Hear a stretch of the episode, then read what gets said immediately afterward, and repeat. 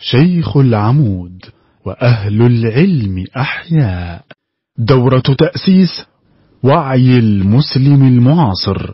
المستوى الثاني مع المهندس أيمن عبد الرحيم. المحاضرة الثالثة. وقد انعقدت هذه المحاضرة يوم الجمعة. بعد صلاة الجمعة.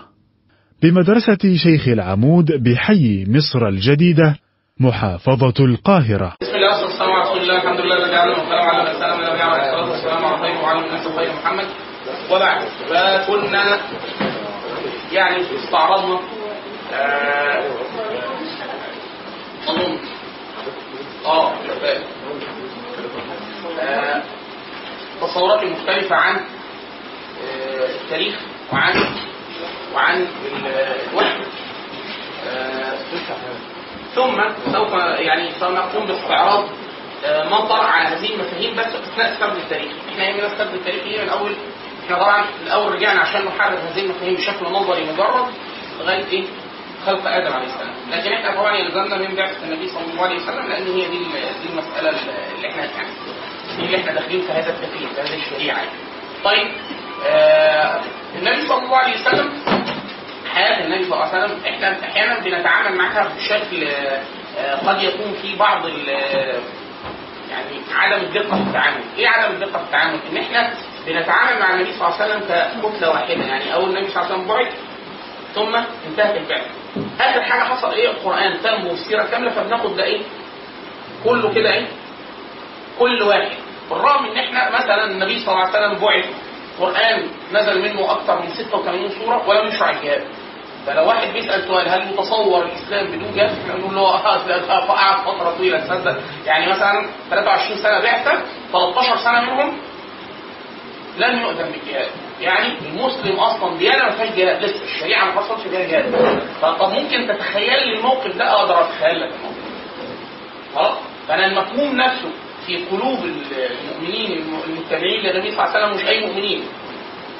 ده أعلى مؤمن على الإطلاق هو ده. اثنين إن تعامل المؤمن مع الوحي مش الكامل التام. يعني أنت دلوقتي حاليا بتقول لك يلا عايزين ندرس القرآن اللي هو فينه؟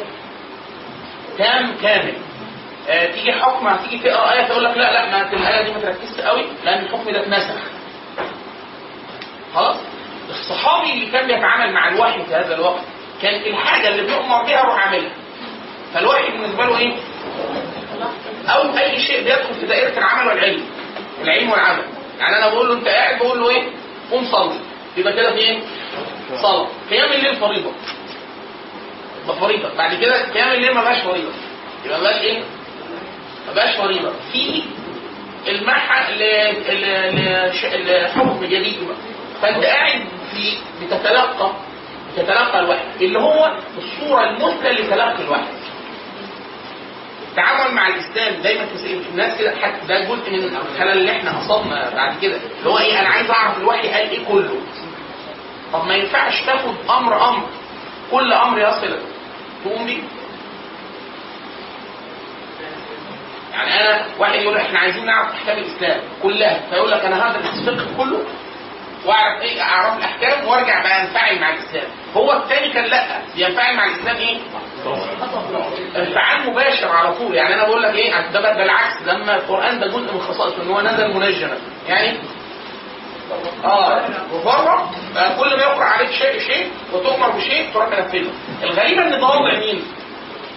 مش المؤمن التابع للنبي صلى الله عليه وسلم. ده وضع النبي صلى الله عليه وسلم اللي هو المؤمن الامثل يعني النبي صلى الله عليه وسلم نفسه في كثير جدا من اياته يقول ما أدري ما يفعل بي ولا بي يعني الوحي هو إيه؟ أنا صاحب رب العزة بعت لي ملك هذا الملك قال لي إن أنا نبي فأنا وظيفتي إيه؟ أنا رسول أنا مبلغ الوحي إيه هو الوحي؟ اللي هيتألف كده إيه بلغ ما أوحي اليك إيه اللي هيوحى اليك؟ ما أنا ما أعرفش ما أعرفش لسه يعني أنا فعلا ما أعرفش فيجي يقول له إيه؟ انت تبلغ بقى الاقربين يبقى يبلغ الاقربين. خلاص تظهر بالدعوة يظهر بالدعوة. خلاص ممكن يسمح لك بالهجره لو حد هيهاجر غيرك يهاجر. آه روح اعمل. يعني إيه؟ الامر إيه؟ لحظيا المعنى ده معنى خطير جدا في التعامل مع الوحي. الجيل الأولاني ده فكرة إن الوحي بالنسبة له إيه؟ انفعال لحظي موجب في كل لحظة اول ما اعرفه عشان كده دايما يعني إيه؟ التلقي ده إحنا فيه افتقدنا هذا الجزء. ان هو إيه؟ إحنا بنتعلم ليه؟ إحنا بنتعامل مع الوحي ليه؟ السطر الأول بما فيهم النبي صلى الله عليه وسلم. كان تعامله للعمل. واحد يقول لك إيه؟ طب ما ممكن تتلغي. مش هيحصل حاجة. مش هيحصل حاجة. ليه؟ لأن أنت كنت متعبد في الأولى ومتعبد في الثانية ومتعبد في الثالثة ومتعبد في الرابعه وهكذا. عشان كده أهل العلم يقولوا إيه؟ هل أن رجل أنا وأخونا ده آه، ما عندناش خبرة قوي بأحاديث النبي صلى الله عليه وسلم. فظ- ظننا أن هناك ذكر معين الذكر ده من السنة. وقعدنا نذكر الله عز وجل. خلاص؟ وفوجئنا طلع إن هو مش مش سنة مش من السنة ولا حاجة. والنبي صلى الله عليه وسلم لم يقله فإحنا اللي عملناه ده يعني كتصورنا إن ده أمر من أمر السنة وتعبدنا الله عز وجل طيب؟ هنأثم ولا ولا ولا ولا, نأثم ولا لا نأثم ولا آه نثاب أنا بعمل حاجة مخالفة للنبي صلى الله عليه وسلم وده في الغالب بدعة يعني أنا عملته ده ما أمرش به النبي صلى الله عليه وسلم فأنا اثاب ولا لا اثاب؟ حد عنده علم في المساله؟ حد يعني حد مر عليكم في الأبواب الفقهية؟ يثاب؟ طب بس هو مخالف هو الجاهل الجهل ممكن يرفع عنه الاثم لكن يثاب؟ إيه ده السؤال؟ كده هو السيد لو أصاب لو لو أصاب له اجران طيب هو هو هيثاب بس هيثاب ليه؟ لأنه فعل شيء من جنس المأمور. الذكر مطلق الذكر من جنس المأمور. طب افرض أنا عملت شيء من الشرك. منهي عنه. أو شيء من المعصية التي نهى عنها الله عز وجل وأنا أظن ان هي طاعة. واكتشفت إن هي معصية. أو شرك. هأثم ولا أثاب وأنا عاملها ان هي طاعة. برضه زي الأولانية. أثاب ولا لا أثاب أفضل كده نيوترال اللي خدت ولا ليه ولا أثم لا يثاب لا اسم ولا. مش هأثم مش هأثم ولا أثاب ليه مش أثاب؟ لأن أنا متعبد الله عز وجل بجنس- المأمور ولا؟ هأثم ليه؟ لأن هنا الجهل يرفع عن الإثم خلاص مش كده يقول لك لو عمل شيء من جنس المأمور لا هيبقى إيه؟ هيبقى لا كده هأثاب بالرغم إن هو كان إيه؟ النبي ما أمرش بده بس أنا ظننت النبي أمر ده مش حكم الإيه؟ المطلق لأنه الأمر العام فهم منه ده. الأمر العام فهم منه ده. خلاص؟ فهو الراجل الاولاني اللي بيتعامل هو المسلم الأول بل النبي صلى الله عليه وسلم. بل أنت في أي عصر؟ هنا بقى الناس بتتصور دائما إن الصورة الأولى صورة ساعتها. إحنا حاليا المفروض نتعامل مع الواحد بهذه الطريقة. ليه؟ إحنا ولا واحد فينا يقوم في في في في يقوم في قلبه وفي علمه البيان كاملا في نقطة زمنية واحدة. يعني إحنا وإحنا قاعدين كلنا نجهل كثير مما أمر به النبي صلى الله عليه وسلم. وكلنا نجهل كثير مما نهى عنه النبي صلى الله عليه وسلم. فاكيد إحنا بنخوض في نهي. وأكيد إحنا في أمر ما بنعملوش مما أمر به النبي صلى الله عليه وسلم استحبابا أو وجوبا أو كذا إيه بقى اللي بيحصل؟ إن أنت أول ما بتعرفه إيه اللي بيحصل؟ بيحصل تنتقل الخطوه خلاص أنا عرفته فاعمله عشان كده دايما حتى أهل العلم يقول الإنسان وهو في التعامل مع الوقت هو لا يتعلم إلا ما يستطيع علمه ويستطيع عمله يعني إيه؟ لا تنسى عشان كده الصدر الأول ده فهمهم للوحي بهذه الطريقة كان طريقه تبليغهم للوحي مرتبطه بيه متأثرة بيه. أنت دلوقتي مثلا ممكن تجيب كتاب كامل حديث تقعد تقرأ فيه صح كده؟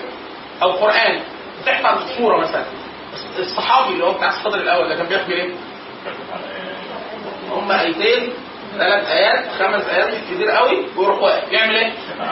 يشوف بقى إيه الأمر إيه النهي لأن هو بتاع هو بيتعامل مع الوحي على أساس إن هو إيه؟ ده أمر مباشر لك ما دام دخل في علمك. فده مش دخل في علمك اتعلمه. طب والباقي؟ انت ما انت ع- انت لن تؤمر إلا بده ما الإنسان لا يؤمر إلا بما يستطيع علمه وما يستطيع عمل. فالتصور ده الوحي تصور مختلف تماما.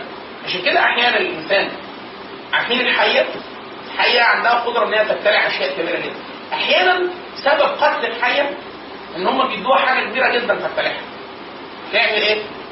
تبلعها بعد ما بلعتها الحية اللي بتبقى بلعها حاجة كده وقاعده مش قادره تعمل أي حاجة ليه؟ هي خدت جرعة أكبر بكثير جدا من إن هي تتحرك بيها عشان كده الواحد يقول لك إيه؟ إحنا عايزين نطبق الشريعة اللي هي إيه؟ اللي هي جت بعد بعثه النبي صلى الله عليه وسلم 23 سنة آه إحنا المفروض مش مسلمين نطبق الشريعة. أنت المفروض في حدود زمنك ووقتك وبتاع أنت كل طول الوقت تطبق الشريعة. أي شريعة اللي أنت تعرفها. طب ولما أعرف حاجة ثانية طبقها ولما تعرف حاجة ثالثه طبقها ولما تتفاجئ إيه؟ عشان كده إحنا دايما إيه؟ الإنسان لما يقول لك إيه؟ أنا هعمل كل حاجة. يبقى مش هيعمل ولا حاجة. فالتعامل مع الوحي على أساس إن هو كتلة تامة كبيرة يجب تنفيذها الآن وهنا أصلا ده مخالف للوحي نفسه. آه عشان كده كثير جدا من ال... لما انت تشوف الصحابة والتابعين وبتاع تلاقي التعامل مع الوحي بتاعه إحنا بنحس ان في حاجة غلط. يعني حاجة غلط يعني يعني حاجة مختلفة عن اللي إحنا بنفهمه. بس تلاقي إيه؟ ان واحد كثير جدا كثير جدا ممكن تتجمع في كتاب لوحدها. الصحابي الصحابي اللي هو حضر النبي البعثة كلها مثلا حضر 20 سنة 15 سنة من البعثة شاهد جميع المشاهد. من العشرة المبشرين بالجنة زي سيدنا عبد الرحمن وزي سيدنا عمر بن الخطاب. وتلاقي حد قدامه قال حديث يقول لك إيه؟ هو النبي قال لا. حديث مشهوره جدا حديث الاستئذان.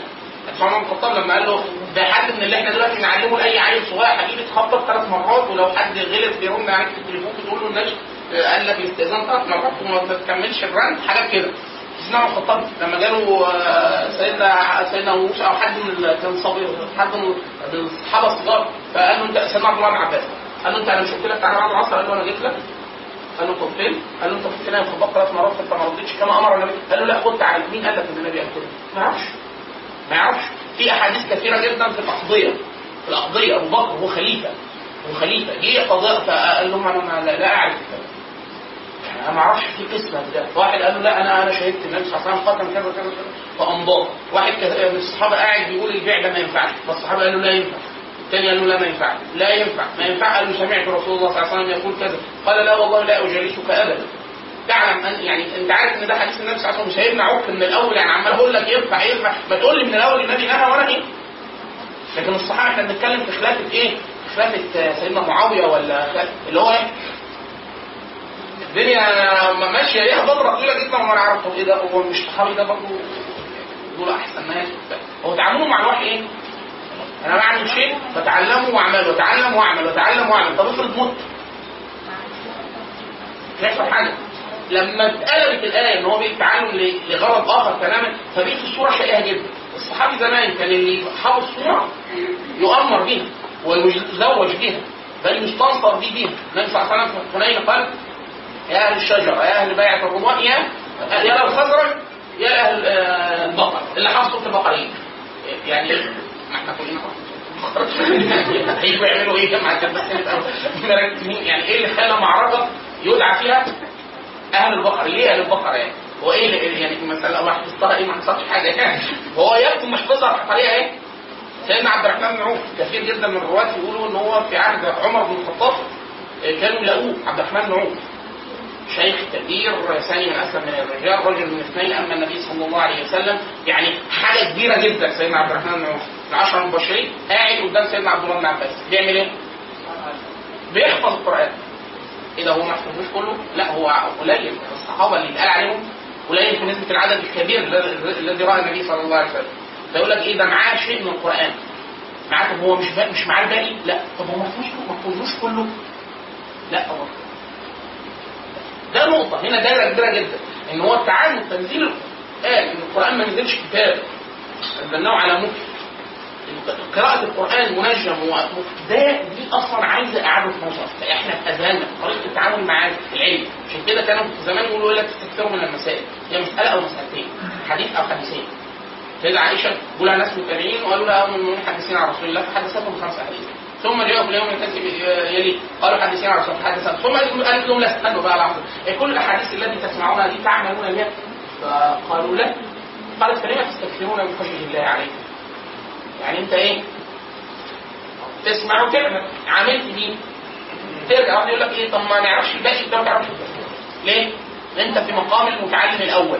الصحابي الصحابي اللي هو اللي هو شاهد النبي صلى الله عليه وسلم وأمن في أول من آمن وبتاع وهاجر الحبشة.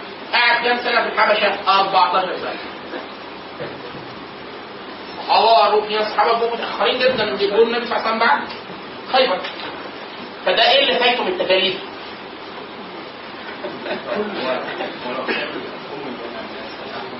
إيه؟ كان هو دي الحاجة هو أنا جا- أنا عاجبني إن أنت سألت السؤال ده لأن ده يجرنا للمحور الرابع فكر الحكم. واحد يقول لك إيه؟ طب ده في حالي أنا شخصيا. طب لو أنا بحكم الناس ينفع ده؟ إحنا قلنا لك اللي هي نفعت. بل استدل في كتب كثيرا جدا على فكرة إيه؟ كائن. إيه اللي إيه اللي بيطبق من الشريعة؟ إيه اللي أقدر أطبقه من الشريعة؟ يقول لك اللي تقدر تعمله اللي تقدر تعرفه. يعني لو أنا عرفت ده اللي عرفته وطبقته يبقى أنا مطبق في الشريعة كده ومسلم ومرضي كل حاجة آه. واللي أنا قادره اللي أنا قادر مش قادر أكتر من كده مش قادر اللي هو بس مع العجز يعني أنا بقول أنا ما أقدرش. هو من الشريعة هو من الشريعة. بس ما أقدرش ما أقدرش يبقى خلاص. زي مين؟ المثال الاشهر على الإطلاق. مين الحبشة؟ دول كأفراد. والنجاشي كحاكم. النجاشي مسلم. امن بالنبي صلى الله عليه وسلم طيب النبي ده بقى أمره بإيه؟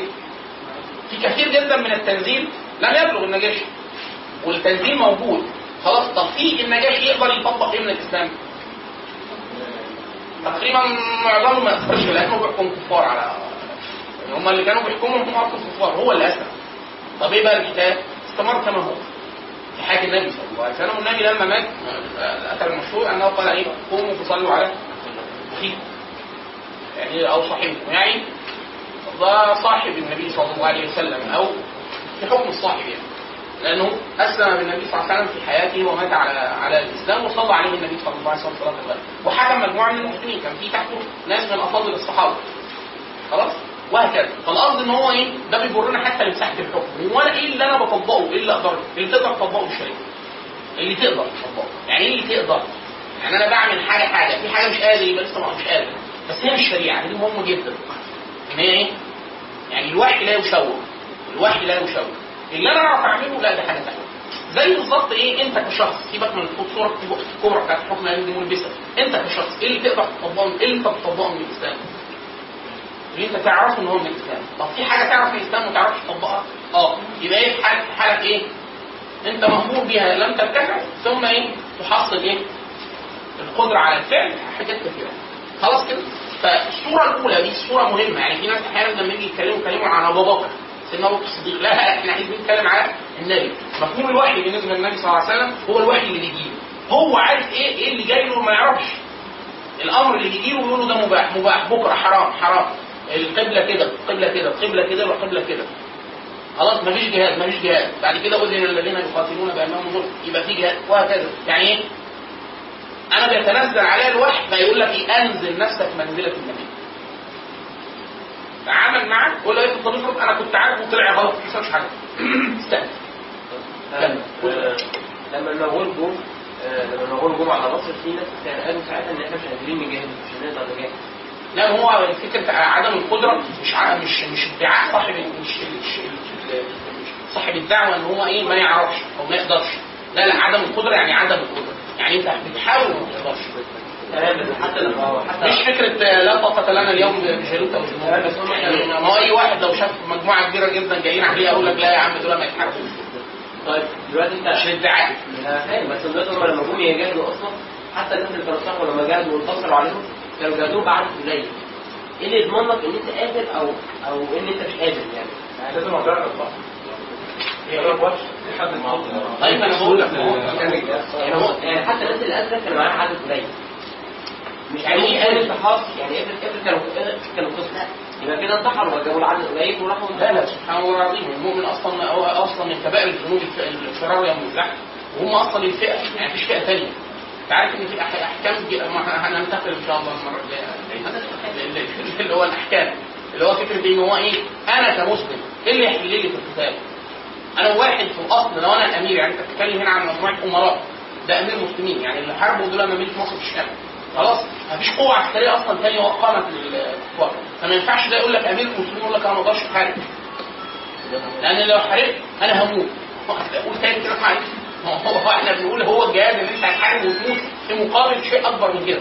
فواحد إن هو أصلا منهي عن الفرار وخاصة إن هو لو مش حاربه. في الحالات اللي هو لا عنده فئة آه، يعني ينحاز إليها ولا آه، ولا هو لا يعني مش بيعمل خدعه مثلا عسكرية ولا بتاع ولا هو ليه فئة بي- بي- بينحاز لها. يعني مفيش خليفة مثلا هرجع له. خليفة الا خليفة الدبع يعني خليفة العباسي قتل وكل الممالك الشرقية سقطت والشام سقطت. أنا أعمل إيه بقى؟ قال لك طب ما تيجي نمشي.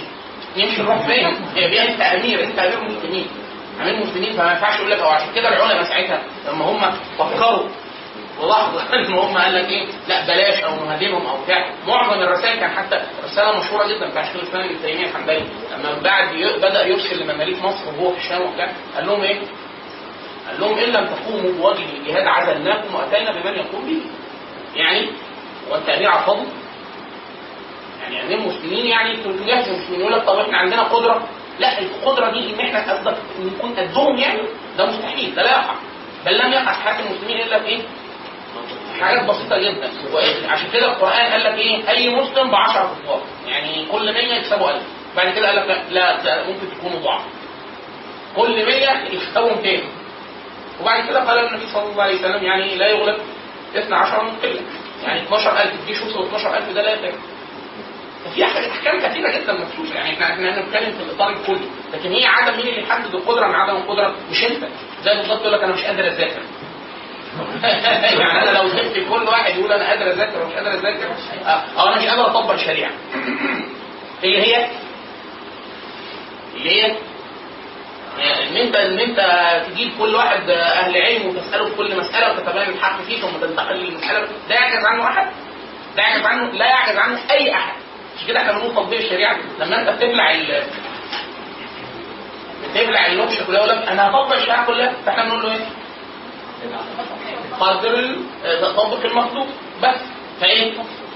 كل جزئية أنت تقعد تعملها دي دي القدرة. طب يقول لك إيه؟ يعني إحنا هنمنع الخمره يا سيدي الأول ادي فوق الناس. ادي فوق الناس. رواتبهم. عايزين العدل. أمان. استقرار ده جزء من الشريعة. الشريعة مش هتطبق. هي زرار. يقول لك إيه؟ خلاص داونلود باقي له ثلاث ثواني الشريعة نزلت. مفيش كده. هو اللي هيحصل إيه؟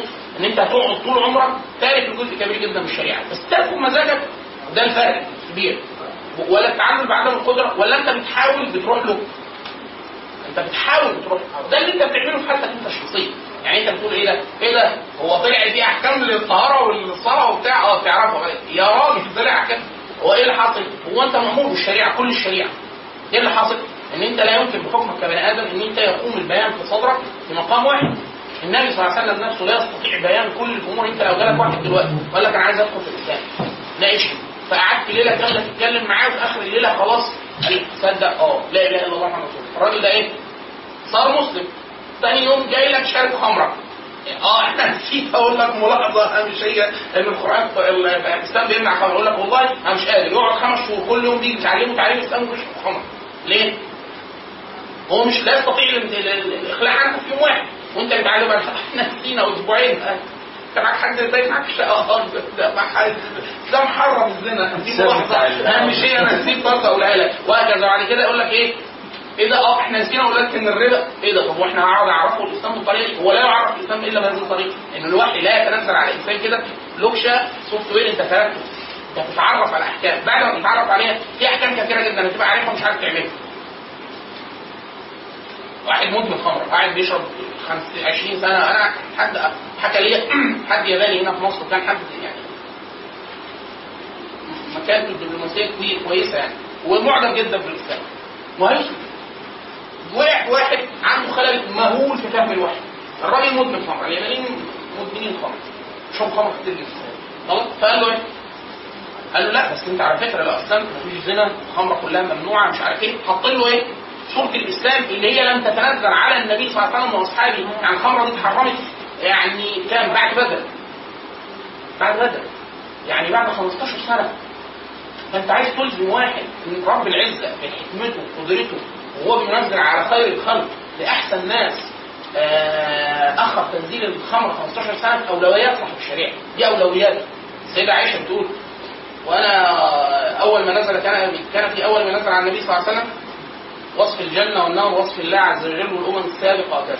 فلما كنت كنت فلما كنت عنده في المدينة يعني سيدنا عائشه لما اتجوزها النبي يعني كانت في المدينة يعني ده بعد 15 سنة بعثة 16 سنة بعثة وثاب الناس للاسلام خلاص كده كل الناس يعني إيه الإسلام ضرب بجذور وتنزل حاجات كتيرة والعمل الايماني والقلب بتاع التلقي اللي هو الشرط الأساسي في التلقي قال لك فنزل قال لا تزنوا ولا تشربوا الخمر ولو كان في أول ما نزل. لا تزنوا ولا تشربوا الخمر. لقال الناس لا والله لا ندع الزنا وشرب الخمر ابدا هو أصلا ده الترتيب ده لم يرتفع. الناس بتصور عشان الاسلام تم يبقى هو ارتفع ما ارتفعش. فالراجل الياباني ده المفروض كان الراجل يقول له إيه؟ يقول له أسلم واشرب بس هي حرام. هي حرام. وحاول تبطلها. افرض مات وهو مش قادر يبطلها. أحسن له ولا لا؟ أن يلقى الله عز وجل معه لا اله الا الله محمد رسول الله. تنجيه إن شاء الله يوم القيامة. واحد يقول لك إيه طب هو مش هيبطلها؟ يعني سيدنا آه، أبو محسن أبو محسن ده أدرك إيه يا مولانا؟ ده يعني ده شاف كل حاجة. والفتوح ومش عارف إيه وبتاع وهو بيحارب الفرس وهو مدمن خمر. طب إيه نعمل فيه إيه ده؟ نعمل فيه إيه ده؟ هو مدمن خمر. آه، سيدنا حم- آه، حمار اللي هو عبد الله اللي هو كان بيدرك النبي صلى الله عليه وسلم. ده ال- الوحي بيتنزل الجديد بين ظهراني الناس. ومعاه النبي. وبيصلي معاه كل الصلوات. وبي وكل شوية بيقول له بيشرب خمر. خلاص؟ فإيه الحق؟ إيه؟ يضرب. هو الأول الحد الأمور تتدرج. كان النبي صلى الله عليه وسلم يقول قوم فاضربوا. فاللي معاه نعل اللي معاه جريده اللي مش عارف إيه وبتاع اضربوه اضربوا قلمين بتاع. في حاجة زي كده. ويجيبوه تاني ويضربوه ويجيبوه تاني ويضربوه ده. حتى التاني أصلا مش مطبقة أصلا. يعني أنت قاعد إيه؟ في الفراغ. يعني أنت لو شربت كل يوم برميلين من خمرة محدش هيجي يعمل لك حاجة ماله؟ مش هيجي مفيش أصلا هو انت أنت بتقول له إيه؟ بتقول له أنت هتخش الإسلام ولو شربت خمر هنضربك هو ده مش حاصل أصلا. هو حتى جزء تلقي الوحي إن هو أصلا مش موجود. ما هيفرض حاصل دي مش حاصل لا حضرتك ممكن هو يقول له لو مسكت خمره إيه؟ يعني هو أنا نرجع خطوة ثابته إحنا اللي بتعملوه ده هو اللي هو اللي إحنا بنقوله. ان هي فكره إيه؟ أنت متصور صورة الشريعة النهائية. انت الأول بتخاطبه بايه؟ لكن متنفذه اوليات الشريعة يعني هو الإسلام لما واحد يقول لك اشرح لي الإسلام ما بتجيبلوش سيره الشرائع ليه؟ هو الإسلام الأصل إيه؟ النبي صلى الله عليه وسلم لو كان واحد التقى النبي صلى الله عليه وسلم في أول 13 سنة في مكة وقال له إيه هو الإسلام؟ كان النبي هيقول له إيه الإسلام؟ هيقول له لا إله إلا الله، لا إله إلا الله دي الصحابة قعدوا فيها 13 سنة على رأس السنة العاشرة أنزل الله عز وجل فيما أنزل في كتابه ألم يأن للذين آمنوا أن تخشع قلوبهم لذكر الله وما نزل من الحق؟ فقال عبد الله بن عباس في التفسير استبطأ الله عز وجل قلوب الصحابة. الصحابة. عشر سنين مش راضيين يستجيبوا قلبيا بالطريقة التي ترضي الله عز وجل. واقرأوا اقرأوا في تفسير تفسير قول الله عز وجل ألم يأن للذين آمنوا أن تخشع قلوبهم لذكر الله؟ فأنت أنت متص إيه؟ حديث معاذ اللي هو لما ارسلوا اليمن. قال له انك أنك تقدم على قوم أهل كتاب فأول ما تدعوهم إلى قول لا إله إلا الله. خلاص. فلو آمن بلا اله أصل لا إله إلا الله دي انت مش أخوانا هذه كلمة علم السماوات والأرض. يعني دي أوزن من أثقل السماوات والأرض. إن أنت تقول لواحد يقول لك إيه خلاص لا إله إلا الله بقى فادوا بقى. اديله. اديله حقنه التكاليف. جميل مش كده. هو الإسلام مش كده. ده رب العزة ما خطبش الناس بهذا الخطاب. مش كده ده من إيه؟ لا يخاطب انسان إلا بما يقدر بما يستطيع علمه وعمله. تقول له حكم واحد. عرفه عرفه إنه بعده عرف ولا ده هيموت قبل ما يعرف إن هيعمل هيعمل مش عارف. ليه ما الصحابة حصل كده فعلا. إيه؟ قبل ما ينتهي هيموت قبل ما ينتهي عن بعض الكبائر لأن في في حاجات لما يتأخر البيان عنها في حاجات كثيرة جدا. واحد يقول لك إيه؟ هو بالطريقة دي. هو يتعرف على الواحد بهذه الطريقة. خلاص. ده هيغير كثير جدا من طريقة تعامل الناس مع يعني هو الراجل ده اللي هو سيدنا سيدنا خالد بن الوليد يمكن حصل معاه الموقف ده وهو جاي يقاتل الروم فجي واحد اسمه ذو الجرجيس آه اللي إحنا حاليا بنقول لك جرجس فقال له إيه؟ قال له أنا عايز اكلم خالد بن الوليد. يعني قائد الجيش فجاله فقال له خالد بن الوليد قال له آه. قال له أنت النبي بتاعك اداك سيف آه، تحارب بيه ما بيه ابدا يعني هو متصور إن هو بطل أسطوري معاه حاجة خالد بن الوليد ضحك وقال له إيه؟ قال له لا لا أنا سيف الله المسلول أنا شخصيا مش أنا معايا سيف أنا أنا أنا سيف الله المسلول فقال له طيب هو النبي بتاعه جيب إيه؟ قال إيه؟ فقال له ده أتى بكذا وكذا وكذا واخبره إيه؟ دايما كل كسرى والنجاشي كان يقول له إيه؟ يقول له أمرنا أن نعبد الله عز وجل ولا نشرك به شيئا وبر الوالدين والحاجات الايه؟ طب سيدنا جعفر لما كان بيكلم النجاشي ده كان الاسلام بس ما نزلش في صور تاني في مكه القران نزل كتير فلما اتسأل أو في الفرس لما كان يقول له أنت عايزين مننا إيه؟ سيدنا ربعي عامر تخيل أنت لو واحد مكاننا مننا إحنا مكان ربعي عامر تقول له ما الذي أخرجكم؟ عشان نلم الجلد عشان ما تشربوش خمر يا أولاد سكرية فقالوا بتاعتنا الله ليه؟ نخرج العباده العباده العباده العباده إحنا جايين نحرر الاراده الانسانيه ومنه ضيف ال- ال- الأديان إلى عهد الإسلام ومن إيه؟ آه ممكن الدنيا إلى ساعة الدنيا. فالشاهد ان هو إيه؟ قال له إيه؟ الناس لا تخاطب إلا بمحكمات الوحي محكمات الوحي الصورة الكبيرة بتاعت لا إله إلا الله. بعد كده التفاصيل. تفاصيل الدفنه فيها أعمار. حديث النبي صلى الله عليه وسلم. ما من عبد إلا وله ذنب. أعداده. الفايده بعد الفايده يعني لا هيقعد مقيم على الذنب إلى يوم القيامة. إلى يوم القيامة. ينفع عادي ينفع عادي. هو الله عز وجل خلق الناس عصاة. خلاص؟ أنت بقى بتخاطب الناس بإيه؟ بإيه في الوحي؟ بإيه في الوحي؟ الوحي هو قول لا إله إلا الله محمد رسول الله. ثم تأتي أشياء تفاصيل لا يحصرها أحد. يعني دايما أهل العلم يقولوا لا تجتمع السنة إلا في نبي يعني السنة ما حدش يعرف السنة كلها إلا وده يجيب عنه حاجة وده يجيب عنه حاجة وده يجيب عنه حاجة. أنت التفاصيل دي تدرك مع الوقت. طب والمناهي والمحرمات برضه تدرك مع الوقت. ليه؟ لأن النور لا إله إلا الله ده هيمحو أي شيء. فاحنا الأول عايزين إيه؟ خلينا في لا إله إلا الله الأول. خلينا في إيه؟ في لا إله إلا الله الأول. ثم ثم ده اللي بيخلينا إحنا كثير جدا لما نيجي نعرض الإسلام على الناس إحنا فعلا ما بنبقاش عارفين نقول إيه. فانت عايز تروح للتفاصيل. اللي هو انت شخصيا ما بتعملهاش. واللي هو مجتمعك المسلم اللي المفروض يعتبر مسلم يعني وإلا بلغة أحكام الديار هو لا يطبق الإسلام. انت عايز تلزمه بشيء خيالي. فخطوا بال خطوا بال- بال- بال- بالميسور. قول له الإسلام بيعمل واحد اثنين ثلاثة أربعة. علاقته مع الخالق الأول. ليه؟ لأن هي العلاقة لو لم تستتب خلاص كل أحكام الإسلام إيه؟ أصلا مش هتبقى موجوده. طيب يا اخوانا في سؤال صغير بس الياباني لم يسلم لم يسلم حتى الآن.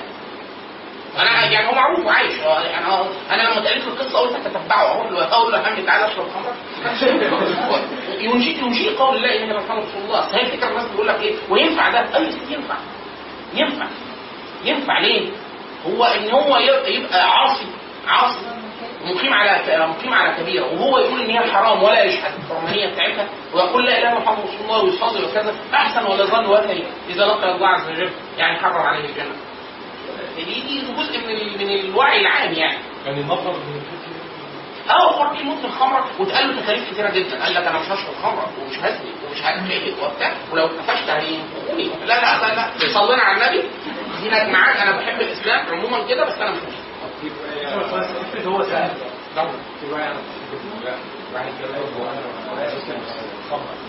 قال له طيب مش هخش على كده أنا فاهم بعد ما دخل قال على بعض الخلفاء برضه له انت لو شربت الخمر احد ابنائك ولو لو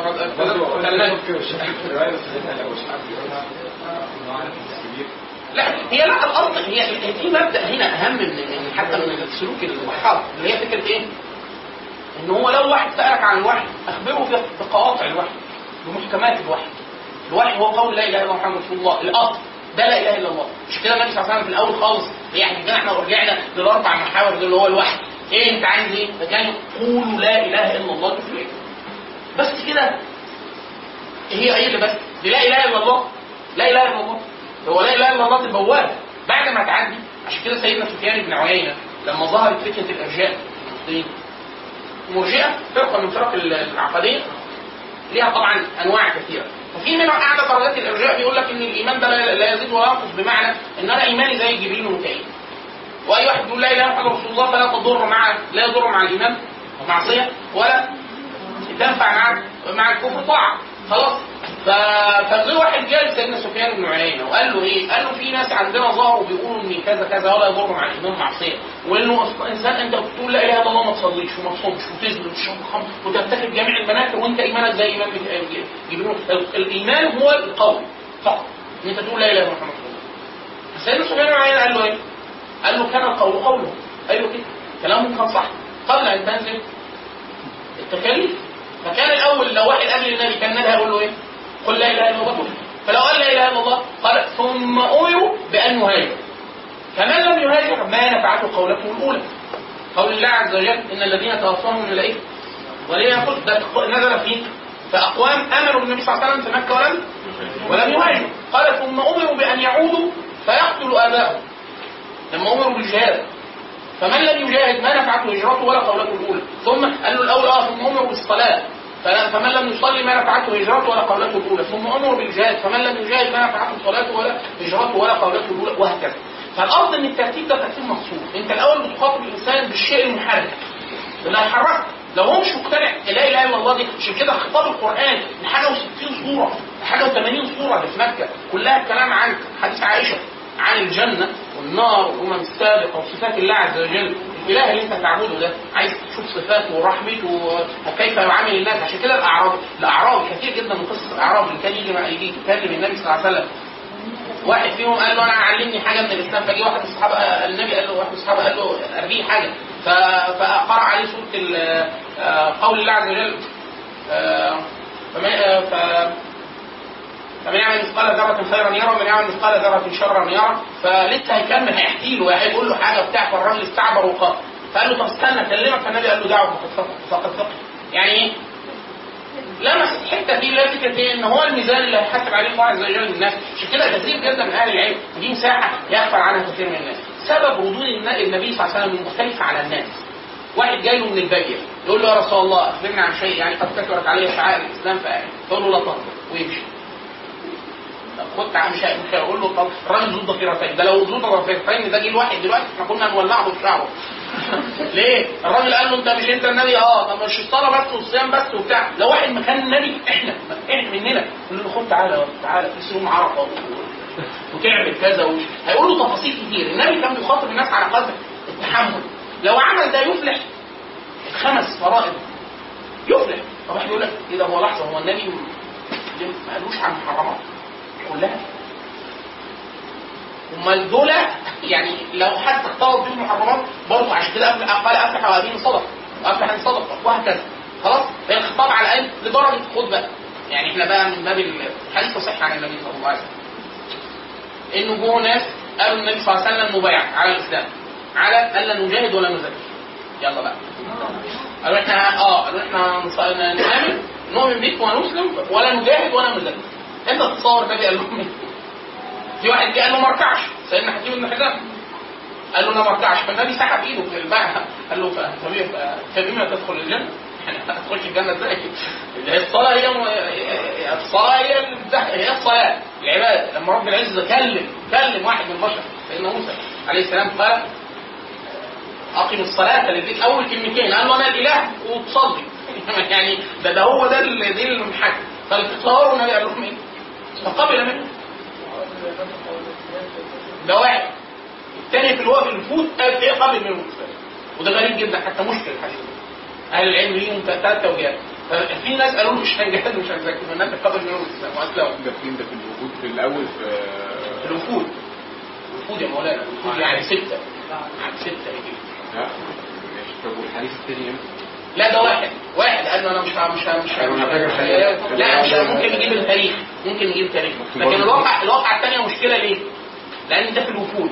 الوفود يعني يعني ستة هجري يعني خد بقى إيه؟ يعني القرآن تقريبا قرب يتم قرب البقرة نزلت والأحكام وبتاع ومش عارف إيه. طب إيه بقى المشكلة؟ في ناس بيقولوا الحديث ده مش صحيح. بيقولوا لا يعني في في منكرة في المتن ليه مش ممكن النبي صلى الله عليه وسلم يقبل منهم؟ ده وفي ناس بيقولوا إيه؟ لا دي حالة مخصوصة. حالة مخصوصة يعني النبي صلى الله عليه وسلم بالوحي علم أنهم زي الراجل اللي جه النبي صلى الله عليه وسلم أنا كنت مربي خروف أو هو كان فقير ومعايا بيت كبير. أذبحه في الاضحيه ففي الفتح ما ينفعش. فالنبي قال له إيه؟ قال له ينفع أنت بس استحالة ليك أنت بس محدش يعمل كده تاني. لا قبلك ولا بعدك هو ده حالة استثنائيه فإحنا بنقول دي حالة عين. النبي صلى الله عليه وسلم دي خصيصه للنبي صلى الله عليه وسلم. ان هو يقول له إيه؟ انت انت تنفع ده ينفع ده في حق النبي صلى الله عليه وسلم ينفع وليس لاحد من من الأمة غير النبي صلى الله عليه وسلم. فدي ففي ناس بيقولوا لا دي حاله عين النبي صلى الله عليه وسلم أخبر بالوحي أنهم إذا اسلموا زكوا وجهادهم خلاص كده؟ ففي ناس بتقول إيه اللي يخلي إحنا عشان نعرف منين إن هم خاص. خلاص وفي بعض العلماء بيقولوا لا ده هو أصلا من فقه ترتيب أحكام الإسلام. الراجل اللي بيقول له أنا مش هزكي هي مولانا الزكاة بتجب إمتى؟ هذا عام على يقول لك أنا مش هزكي دلوقتي فانت تقول له ما تزكيش دلوقتي.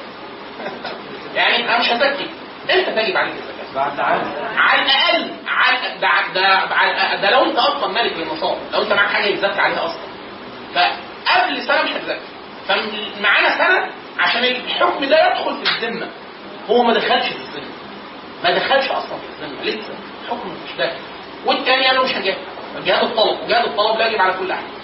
فالنبي صلى الله عليه وسلم رفع عنه شيء لي- ليس لا يدخل في الوحي بالأصالة في هذه اللحظة لهؤلاء الاشخاص عشان كده دايما كثير من أهل العلم كانت الدعوه دعوة الناس إلى الإسلام يعني عايزة من العلم والأمر بالمعروف والنهي عن المنكر عايز قدر كبير جدا من العلم. ليه؟ بسبب إن هو يعرف سلوك النبي صلى الله عليه وسلم مع دعوته كيف يبلغ الاسلام أصلا؟ وإلا في ساحات الناس بتقوم قافلينها بابا ومفتاح؟ مع ساحات معينه بيخسر كثير جدا من الناس بس مش هو اللي بيخسر الحقيقة. ده هو إيه؟ بيفقد ناس كثيرة جدا. كان النبي صلى الله عليه وسلم لو راهم من النار خلاص؟ هو ده لا عشان كده إحنا بنقول إيه؟ التمام تمام الرسالة. لا يعني إن التعامل الجزئي مع الأحكام لسه في داخل في وسع الناس. يعني بقول لك واحد قتل دلوقتي. إيه اللي هنقدر نقوله احكام الإسلام؟ وانت ده ما انت انت انت داخل في القدرة برضه. يعني انت في حدود قدرتك دلوقتي انت. تقدر تعمل إيه في احكام الشريعة؟ في جزء تقدر تعمله.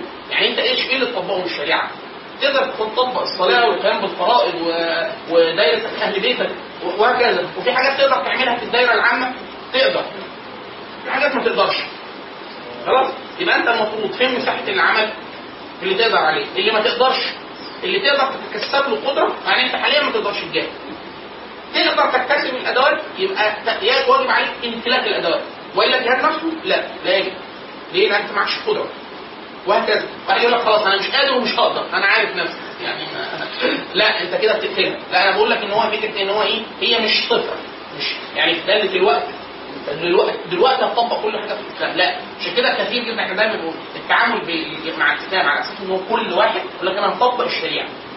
يعني يبقى مش هتطبق ولا حاجة في الشريعة. ليه؟ لأن الشريعة ما بتطبقش في بل القرآن نفسه ما نزلش في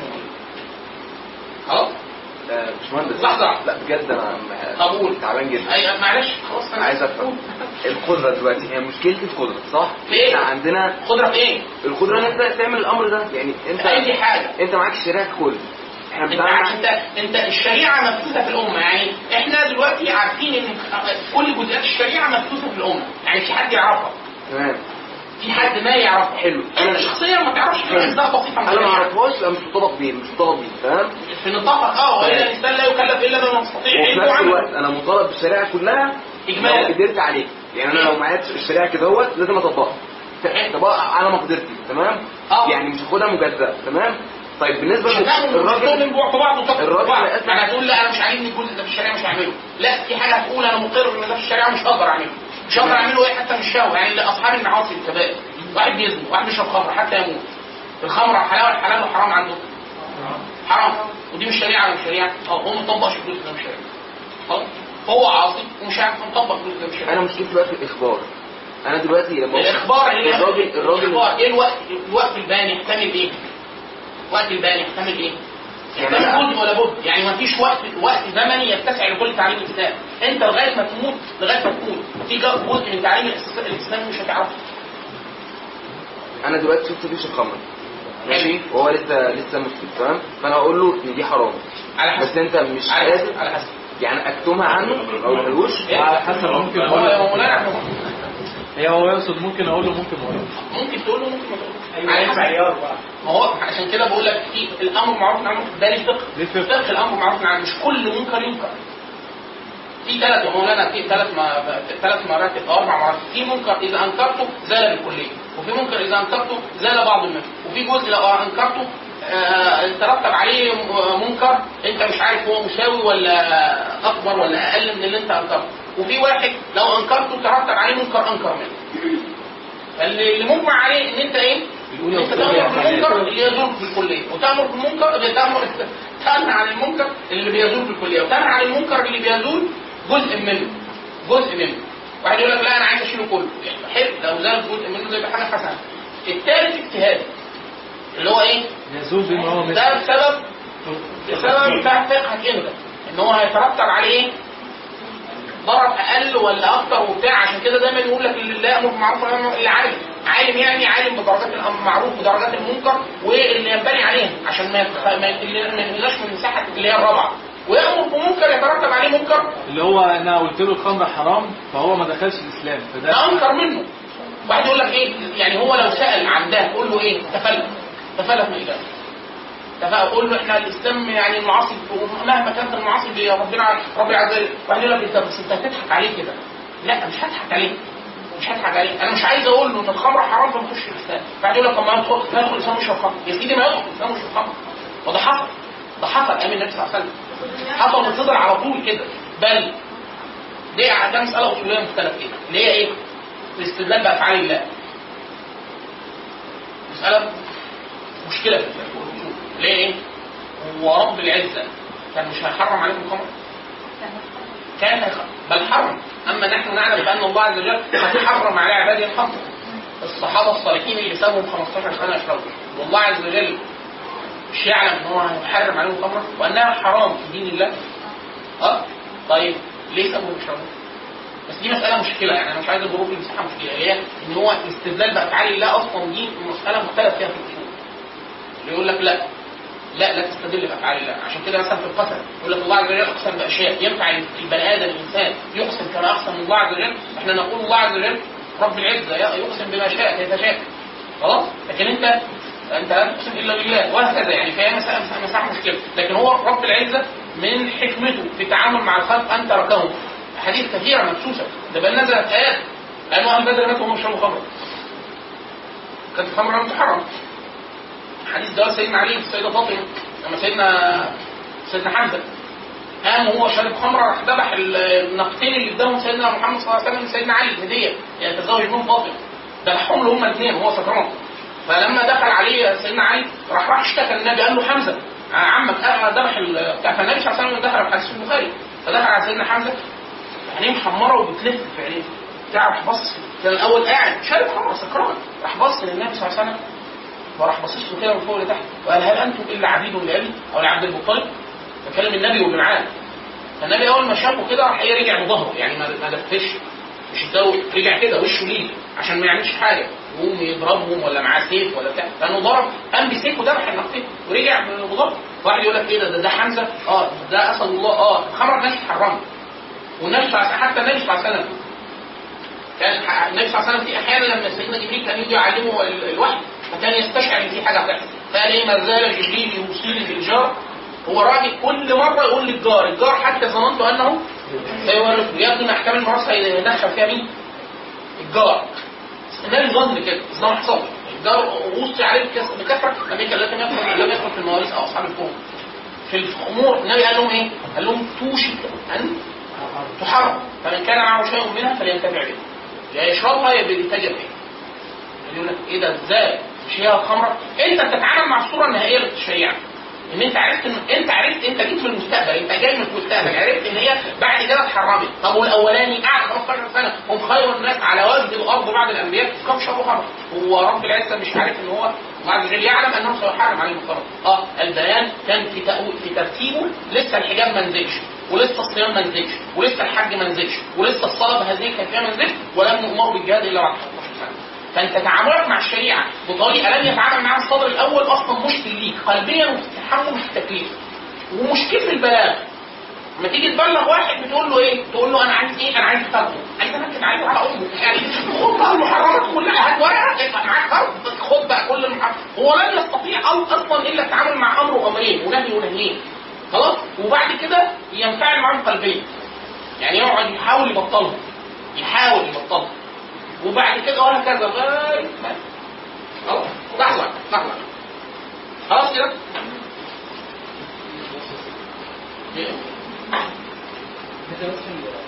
لحظة واحدة واحدة لحظة.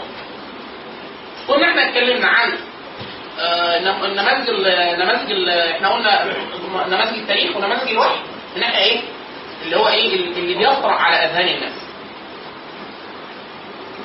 التصورات اللي, بتطرأ برضه إحنا دي الشواذ العامة يعني ممكن إيه التصور العام لل- للجهاد.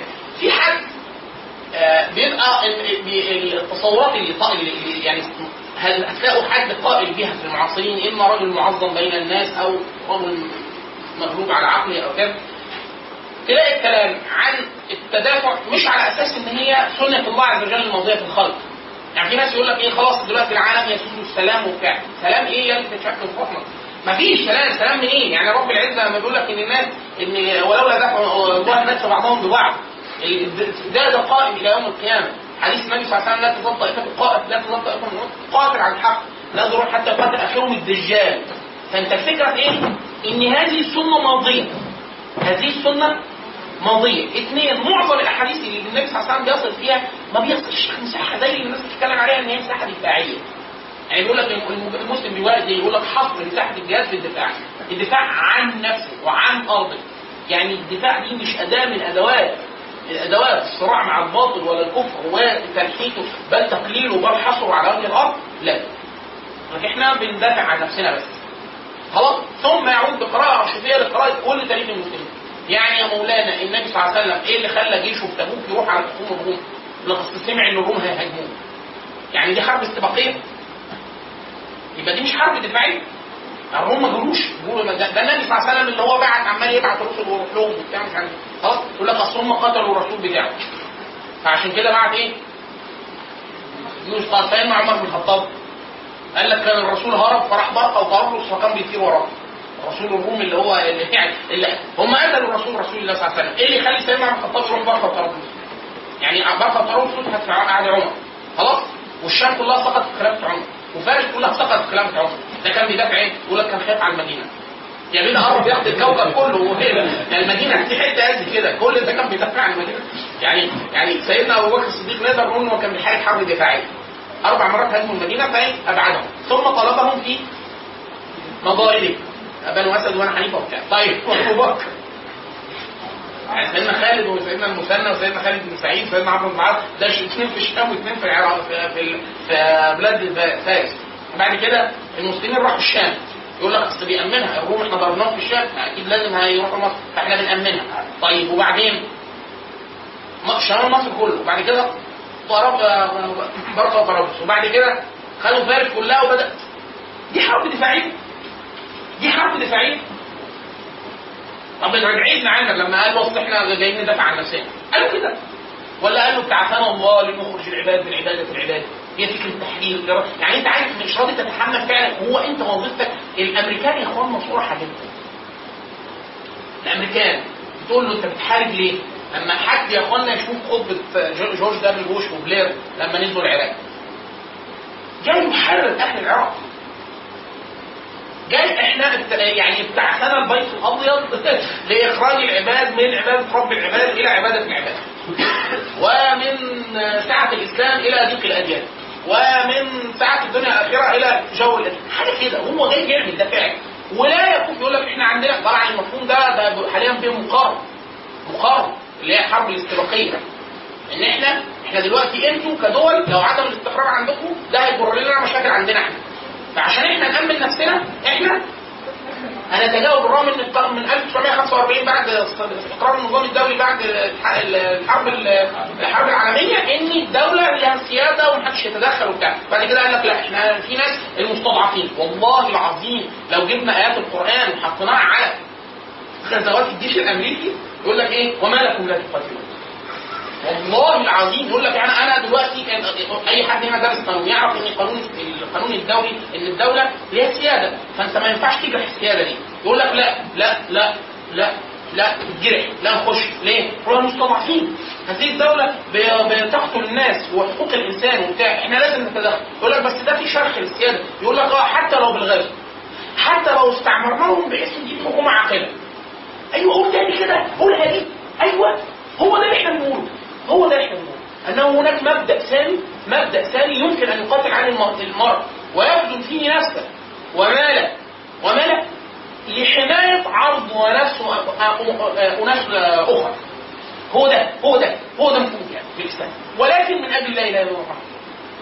أمريكا بتقول ده نصا إحنا في في في في مقال كده يعني خلي حد لكم على على الصفحه اللي هي فكرة إيه؟ مفهوم الحرب الاستباقيه. خد آيات القرآن ونزلها على أنتوا جايين ليه؟ إحنا جايين نحرر أهل العراق. إنتوا جايين ليه في أفغانستان؟ إحنا جايين نحارب الشعب الأفغاني. من إيه؟ من العسف والظلم وجايين نحرر المرأة وجاي أيوه قول تاني كده هو ده هو ده يعني أنت مش بتدافع عن حدودك لا أنا بدافع عن الاراده الإنسانية أيوه والله هو ده اللي إحنا هو بتاع إيه؟ بس عشان كده إحنا بنقول التدافع لا لا لا لا, يرتفع لا يرتفع الاتحاد السوفيتي الاتحاد السوفيتي لما اجتاح افغانستان في الانقلاب الشيوعي بتاع 75 فالناس كانوا بيقولوا إيه؟ أنتوا ليه داخلين؟ قال لك إحنا الحكومة الشيوعيه استدعتنا عشان ضبط واستقرار البلد، إحنا خايفين على الشعب الافغاني.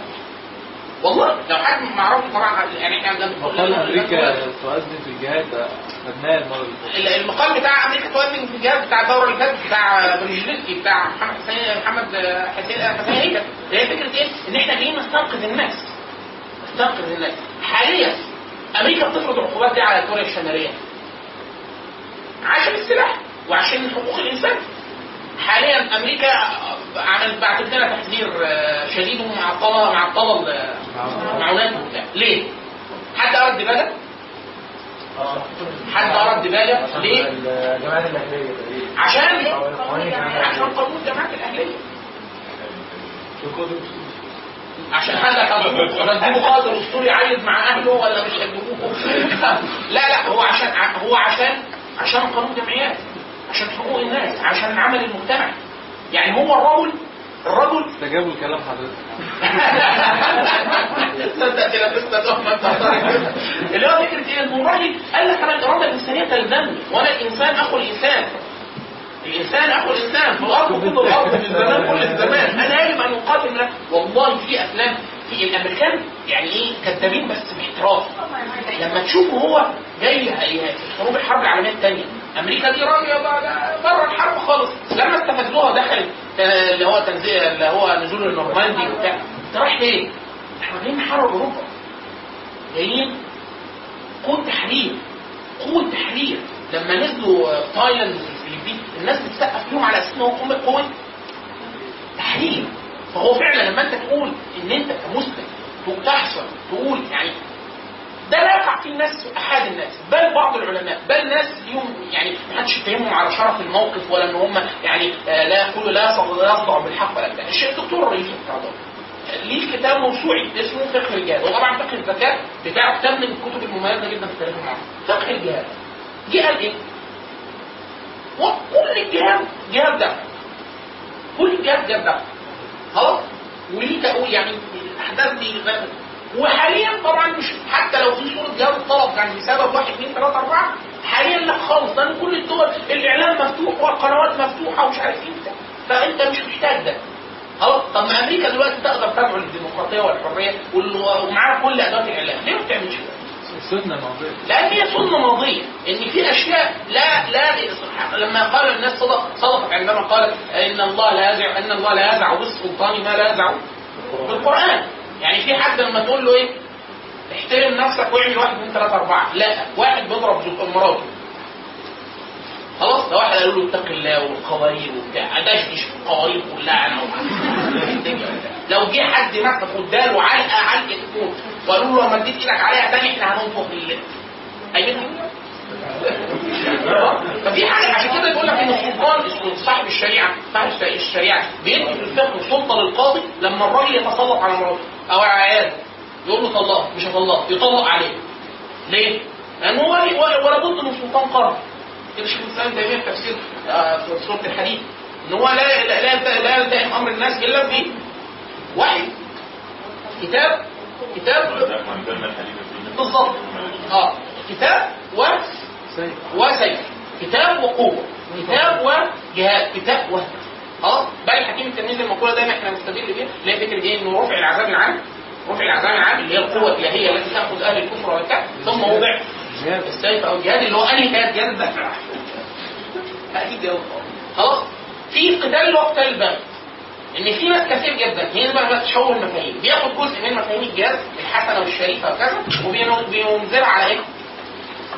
بينزلها على المسلمين آه كثير جدا من ال- ال- مثلا زي الخوارج الخوارج عبر العصور تلاقيه معاه قوة وسلاح وبتاع مش عارف إيه وسايب الكفار ويقول لك طب أنا اخلص على المسلمين دول الأول وبعد كده إيه؟ ده تصوره عنده القتال الداخلي هو الملح عليه جدا وده من التشوهات والتشوه الشديد جدا اللي بيطرا على اذهان المسلمين. مش بالصورة بس الخارجية اللي هو خ... واحد خارجي خارج على سلطه مركزيه بتاع. لا أحيانا قتال جيوش كثيره جدا من البغي زي بغي آل عثمان على المماليك بغي المماليك على مش عارف سلطة مستقرة للمسلمين وإمارة وبتاع. بدل ما يحارب الكفار تلاقيه رايح إيه؟ يحارب المسلمين. زي مثلا الدول العربيه في التاريخ المعاصر. ولا واحد فيهم ضرب طلقة ناحية إسرائيل. لكن لما حكوا يحاصروا حد خالص مش اسرائيلي يعني ما راحش راجل دولة ثانية لا ده بيجربها في دولة عربية أو دولة بغض النظر عن مين بقى مين كلهم بطل في بعضهم. لكن هي الفكرة في إيه؟ لا هو بغي بس. يعني أنا ما أعملش حاجة مصر. إحنا مثلا مرتين مثلا حركنا قواتنا ناحية ليبيا والسودان. مر المرتين يمكن واحدة أيام السادات واحدة أيام واحدة أيام حسني مبارك. أيام السادات كان فزاكي مرة سب رئيس الجمهورية ساعتها كان السادات حاجة زي كده وقواتنا تحت ليبيا. خلاص؟ طيران ومد- ومدرعات وبتاع. ومرة أيام حسني مبارك كان هيقتل في ليبيا سنه 97 فحركنا كل قواتنا على حلب وشلاتين فرجعنا كل القوات الكلية. والنقاط الشرطة لأن حلب وشلاتين منطقة مشكلة. لا يعني ملهاش توصيل فاحنا كنا ماشيينها بالحب كده بيننا وبين السودان راح رجع كل قواتنا فالاصل إن أنت لما تيجي تتحرك برضه إيه؟ قاعد بغي يعني أنت ما حاجة ما تتحركش في الاتجاه المظبوط أحيانا في اللي هو دي ملحه بتظهر قوي في تاريخنا المعاصر اللي هي فكرة إيه؟ إن أنت ما بتعملش حاجة بدافع شرعي بتعملها بدافع نفسي. عشان كده النبي صلى الله عليه وسلم يعني ما أهل العلم كانوا يقولوا الحديث ده نصف العلم نصف السنة. اللي هو أحيانا يقول ثلث السنة ونصف السنة نصف آه، السنة. اللي هو إنما الأعمال بالنيات ليه؟ لأنه ما من عمل إلا ويخرج يخرج من إيه؟ على حسب ال- اختلاف المذهب يعني. لكن الشاهد اللي هو فكرة إيه؟ ان واحد كان حد من الش- الشيخ عبد الله عزام الجهاد الأفغاني يقول إيه؟ كثير جدا من الشباب العرب يجي لنا يقول لك يلا أنا عايز أخش على الجبهه ليه؟ عايز أبدأ عشان أموت. بس كده؟ يعني أنت لا عايز تنصر حق ولا تحرر اراده انسانيه ولا لا أنا عايز أخش أموت أحور العين الجنة انفع أنتوا تيجوا بعد كده براحتكم وأنا مستنيكم هناك فهو ده ده تصور انتحاري الجهاد الجهاد تصور إظهار النفس بالرغم من التصور الصحيح في الإسلام إن أنت تصنع أكبر نكايه في الكفار وتستبقي حياتك يعني أنا أقعد انكد عليهم أنا أنا مسلم أنا حياتي مهمة جدا. آه أنا حياتي شريفة جدا. أشرف منهم كلهم في ميزان الله عز وجل. وده هو الميزان الوحيد اللي يكون الحق يعني. خلاص؟ فالتصور الانتحاري تصور مش لطيف. عشان كده كان عبد الله زي بيقول يجي يجي حد؟ يقول لك أنا عايز أجي يا ابني نروح في معسكر ست ست شهور تدريب ونشوف الصالح لو مش عارف. يقول لك لا ادوني أي حاجة وأنا أخش بس وإيه؟ يمكن ربنا إيه يرزقنا ويكرم ونطلع بحاجه خلاص فده تصور انتحاري مش ده لا الجهاز لم يفعل لم ما اتعملش عشان يبقى طريقة لطيفة للتخلص من مشاكلك ولا من من مخازن الحياة ولا بتاع لا ما اتعملش عشان. بيأثم الانسان بيأثم الانسان حتى لو قتال حق حتى لو قتال حق. يعني انت بتقاتل في قتال حق. ولم تتخذ العدة ولا الاعداد ولا التدريب الحقيقي الصحيح. تأثم انت صح شخصيا تأثم وعياذا بالله كمان لو كمان مش النية مجرد مختلطة بالطريقة دي لا ده ده نية كمان أسوأ من ده. حديث النبي صلى الله عليه وسلم أول ما تشعر بهم النار ثلاثة فأولهم شهيد فيقال فيما كنت فيقول يا رب قتلت في سبيلك فيقول كذبت تقول الملك كذبت لكن يقال شجاع مقدام وقد قيل خذوه واركوه في النار. خلاص فالشاهد لا أنا ما بتكلمش الحقيقة أنا بتكلم على القتال بعدم وإلا والصورة دي فيها خلاف مذهبي. اللي هو أن يوزن الإنسان في جيش المسلمين نفسه في مقابل آه، النكايه شديدة في جيش العدو ليها شروط كثيرة جدا. في ناس بتمنعها بالكلية في ناس بتضعها بشروط بشروط وكذا. في خلاف مذهبي معروف مكتوب في كتب الفقه. لكن هي الفكرة اللي إحنا بنتكلم عليه لا. بنتكلم على إن أنت عايش في حياة آه، مش عاجباك وعايز تنتحر. زي الحديث الراجل اللي هو حديث الرجل الذي يعني النبي صلى الله عليه وسلم التقاه فقال من سر أن ينظر إلى رجل من أهل النار فلينظر إلى هذا فواحد تتبعه فقالوا الرجل ما ترك من شده ما فيش حد قبله إلا ما قتل. رجل مقاتل في جيش النبي صلى الله عليه وسلم. قتل جميع الناس. ف... أيوه فالراجل واحد بيقول إيه؟ بيقول غريبة. طب النبي لسه قال قبل المعركه إنه من أهل النار. والراجل قبل بلاء حسن جدا وقتل في سبيل الله. فواحد يقول لا أنا أقول لكم الخبر. قال لهم أنا إيه شفته بعد ما اتملى جروح و... وإصابات وبتاع وضع السيف وإيه؟ وقتل نفسه. خلاص فشاف إيه؟ إن هي فكرة إن هي الجهاد ده حاجة شريفة جدا فلازم تكون محافظة. مش فكرة إن أنت أنا زهقان من من حياتي وبتاع مش عارف إيه آه نروح ناخد لنا طلقه يمكن إيه؟ آه، لا مفيش كده. مفيش كده. ده الموضوع عايز إيه؟ عايز قدر كبير جدا من من التجارب ونقاء النية والإخلاص. بشرط إن ما يكونش الحنتفه دي توقف الفريضة. هيقول لك إيه؟ أنت راجل مخلص. لا طبعا. حد يعرف إن هو مخلص قدامك خلاص هتجاهد إزاي؟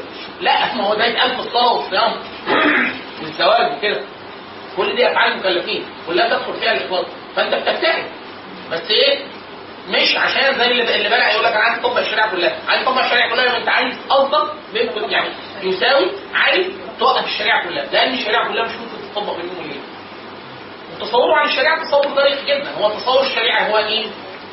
شعائر الإيمان. تقول لا إله إلا الله الله تحققها في نفسك. وشعب الإيمان بحسب اولوياتها مش اولويات اولوياتك أنت اولويات صاحب الشريعة. ثم المقدور فالمقدور فالمقدور فالمقدور. هو بيروح لإيه؟ أصعب حاجة اللي إيه؟ اللي هي عايزة الدولة كلها تعملها. اللي هي أصعب حاجة. خلاص يقول لك طب أنا نعمل دي الأول. طب ما نعمل الأولانية الثانية.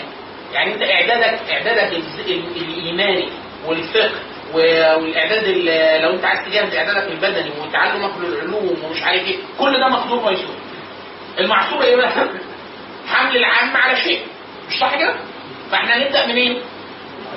من المعصور من المعصور. اللي ما يتعملش ابدا ليه؟ بحيث يبقى كده إيه؟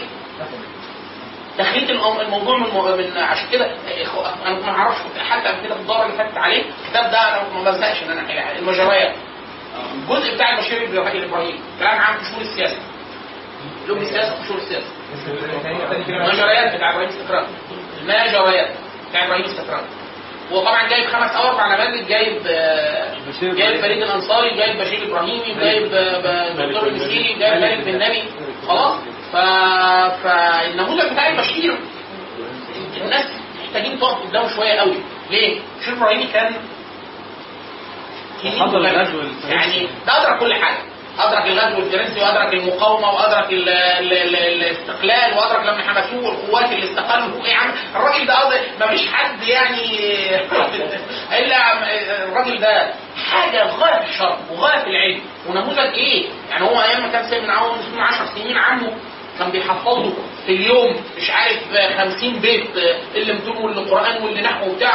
قعد أربع خمس سنين بالطريقة دي ثم توفى عنه. لو كان كمل هو يعني هو عمل مع عمه هو طبعا كمل الشيخ البشير إبراهيمي برضه بس مش بنفس الكفاءة. عمه ده يعني ربنا يرضى عليه ويرحمه. يبدو إن هو كان حد عالم كبير جدا يعني. فهو كان بشير إبراهيمي بيقول إن الناس دائما تلتفت إلى قضايا فرعية.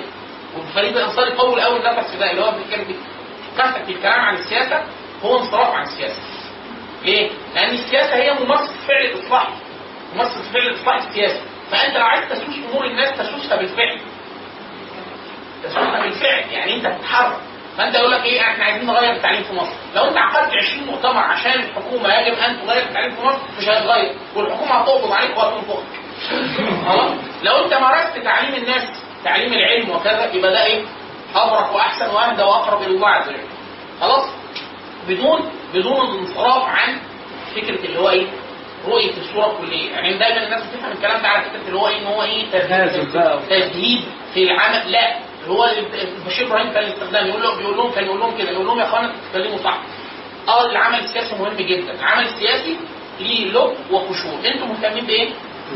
بقشور العمل السياسي لب العمل السياسي أن تتعلموا العربية وتعلموا الفقه وتتعلموا علوم ال- المستعمر ولغته وبتاع وتجاهدوا في الله حق جهاد ده العمل السياسي الحقيقي. ده اللي هو تنبني عليه أشياء وينبني عليه تغيير حقيقي. أي شيء اللي هو كان بيسميه نبي بوليتيكا زي واحد رايح جاي يقول لك يجب ان نجاهد يلا نجاهد. ماشي. هنجاهد. أي في الجهاد إيه؟ حلو ولا وحش؟ جاهد. أنت جاهد. يعني انت جاهد يعني روح واحد. خلاص انت لوحدك كده مش انت لوحدك ادعو الناس لده. لكن في واحد إيه؟ عايز اتجادل حوالين الكلام. عايز اتجادل حوالين تطبيق الشريعة. عايز اتجادل عن الفهم الصحيح للاسلام عايز اتجادل عن عن مش فيه مش فيه تمام؟ طيب. دي تصور انتقامي. تصور انتقامي اللي هو إيه؟ أنا ضربوني على قفاي لحظة. عايز اضربهم على قفاهم هم مين؟ الناس. طب انت هتعمل إيه؟ هجاهد. لا انت عايز تنتقم للي ضربك على قفاك في واحد من اصدقائنا من الشباب قال لي ليا صديقي يبدو ان هو كان إسلامي في العموم بعد ال ال 2013 ولا حاجة قلب ملحد. خلاص؟ أنا دايما اعتبروه مفيش ملحد حقيقي في مصر. بيبقى إيه؟ هو أنا متضايق فبدل ما أقول إن أنا مش هصلي أنا ملحد. يعني إيه؟ آه آه حاجة زي كده. ف ف ليه بد- بدات كانت تظهر إيه الع- العمليات العمليات المسلحة ضد الجيش في سيناء فليه أخونا ده اللي هو الملحد ده بيتصل بالاخ اللي بيتكلم ده بيقول له إيه؟ بيقول له أنا شوف لي سكة داعش أنا عايز أنضم لداعش فالواد بص في السماعه ألو؟ أنت مش ملحد يا. يعني لا ده دول بيكفروا المسلمين ركز. يعني خلاص فقال له لا أنا هروح معاك. فبيقول له يا ابني دوب انت ما بتصليش هما بيكفروا اللي بيصلي. نكته مشهورة زمان إنه بيع واحد أيام أمن الدولة أيام على حسن مبارك بالظبط بيحق بيقول له بقى أنت بتكفر اللي ما بيصليش. فقال له لا يا فندم بكفر اللي بيصلي بقى هو واقع في واحد تكفيري فاللي هو فاكر إن هو بيفكر يقول لك تارك الصلاة كافر لا ده هو اللي بيصلي يا فندم. يعني إحنا ما عندناش خلق كلهم كفار خلاص؟ فهو هنضم ليهم فبيقول له هنضم ليه؟ قال له لا أنا هروح معاهم واصلي واصوم وكل حاجة. قال له قال له لا أنا عايز يعني عايز اخد حقي. عايز احس ده دي مش عايز يجاهد ولا أمر معروف ولا عن منكر ولا ده هو انتقامي محض. تصور انتقامي محض. الأخت اللي كان عندها سؤال ورا. آه كنت عايزة أشوف الحتة بتاعت الانتحار المهذب يعني الإيه؟ الحتة الاخيره بتاعت الانتحار المهذب آه. يعني هو الصحابه كانوا بيدخلوا وليه الشهادة عندهم؟ يعني كده؟ ده حاجة وده حاجة ده حاجة وده حاجة أنا الصحابي ده ده جزء من تصور الصحابي الصحابي ده مين؟ ده رجل عربي مقاتل خلاص؟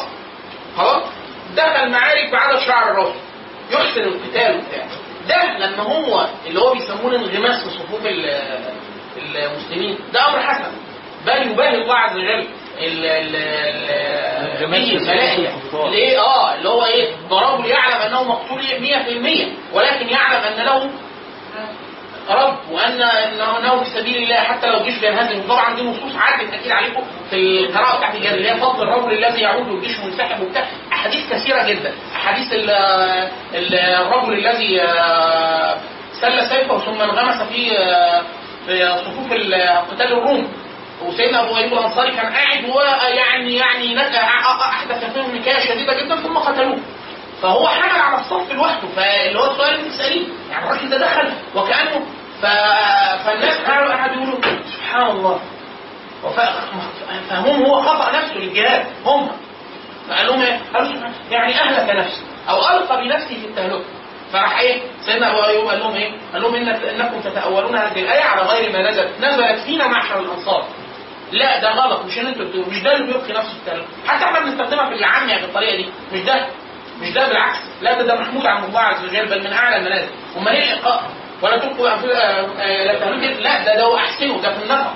إن هو الأنصار لما امتنع عن النفقة في سبيل الله الجهاد فالله عز وجل حذرهم من هذا. قال لهم أنتوا كده بتلقوا بأنفسكم. آه. لأنه الامساك عن النفقة في سبيل الله هو القاء النفس في التهلكه هو ده. فقال لهم لا أنتم تتأولوا الآية ده على غير ده نزلت فينا نحن معاشر الانصار لما هم بعض الأنصار بان يمسكوا في النفقه في سبيل الله. فده ده جزء من خلل فهم الجهاد وهو راجل صححه لهم حديث سيدنا أظن عكرمه عكرمة بن أبي جهل في في اليرموك. لما سل سيفه ثم كسر كسروا ال- ال- ال- الأغمدة ثم قال هل منكم من آه، من يبايع على الموت؟ فبايع بعض الناس على الموت فقال يعني إيه، آه، من- منكم من يريد أن يبلغ شيء إلى رسول الله؟ هو الراجل خلاص الموضوع خلاص فقال له أبلغ, أبلغ آه، رسول الله صلى الله عليه وسلم عنا السلام. يعني اللي هو ده ده راجل مفتاح ده أمر حسن جدا. بس أنت؟ الصورة اللي إحنا بنتكلم عليها إيه؟ واحد لا لياقه بدنية ولا علوم عسكرية ولا نكايه في العدو ولا بتاع. وده مش القتال القديم. ده مش القتال القديم. يعني واحد يقول لك إيه أنا بعرف معايا بعرف أستخدم مسدس. ممكن تاخديني معاكم الجبهه احارب الكفار فإحنا بنقول له لا والله الكفار حاليا بيضربوا إيدهم. إيدهم طرشه قوي الكفار فما بيضربوش بمسدس ولا ده. عايز عايزين حد يعرف رمي عايزين حد يعرف علوم كذا. ده حاجة ثانية خالص غير التصور القديم عن الجهاد واحد يقول لك إيه وأنا لسه هعمل ده؟ إحنا بنقول هو ده الجهاد الجهاد هو بذل الوسع. أعلى حاجة في الوسع في إيه؟ كل حاجة البدني والعلو- والعلمي وال- والهندسي وهكذا. خلاص ده تصور أصلا إيه؟ هو فعلا مهندس مش عايز مش عايز آه، آه، وإلا النبي صلى الله عليه وسلم كان يحجز على اللي ما عندوش قدرة. يعني دي المقصود بيها اللي داخل من غير ما يعد نفسه. آه هربا بدون عدة بدون بدون, عدة ده بقى يبقى أشبه بالانتحار. أو داخل هربا من الحياة. آه ده لا يصح إلا في حاله ان واحد غير قادر ويبقى عارف ان هو مش ممكن ما يعملش حاجة معاه طوبتين يعني حتى معاه طوب وازاز. خلاص؟ ينفع ده يهاجم؟ العدو حاله واحدة. اللي هي إيه؟ جهاز الدفع. جهاز الدفع لا يتطلب فيه القدره ولا أي حاجة. إن كان ست معاها مية سخنه عاملة كام صلصة والكفار بتاعه ديار المسلمين من البلكونة والكوبايه عليه. خلاص؟ آه، معاها آه يعني معاها شوية مية وسخة يلا. يلا إيه برضه يعني إيه ما يمشوش مضاد يعني حاجة زي كده. حد معاه إبر مثلا دبوس طرحة بعينه يلا خدها وهكذا. وهيقتل يقتل. مش كده أهل العلم يقولوا في جهاز الدفع؟ يدفع بما يندفع به. يعني يعني مش محدش مع واحد لسانه صليط في المسلمين اشتموا يلا.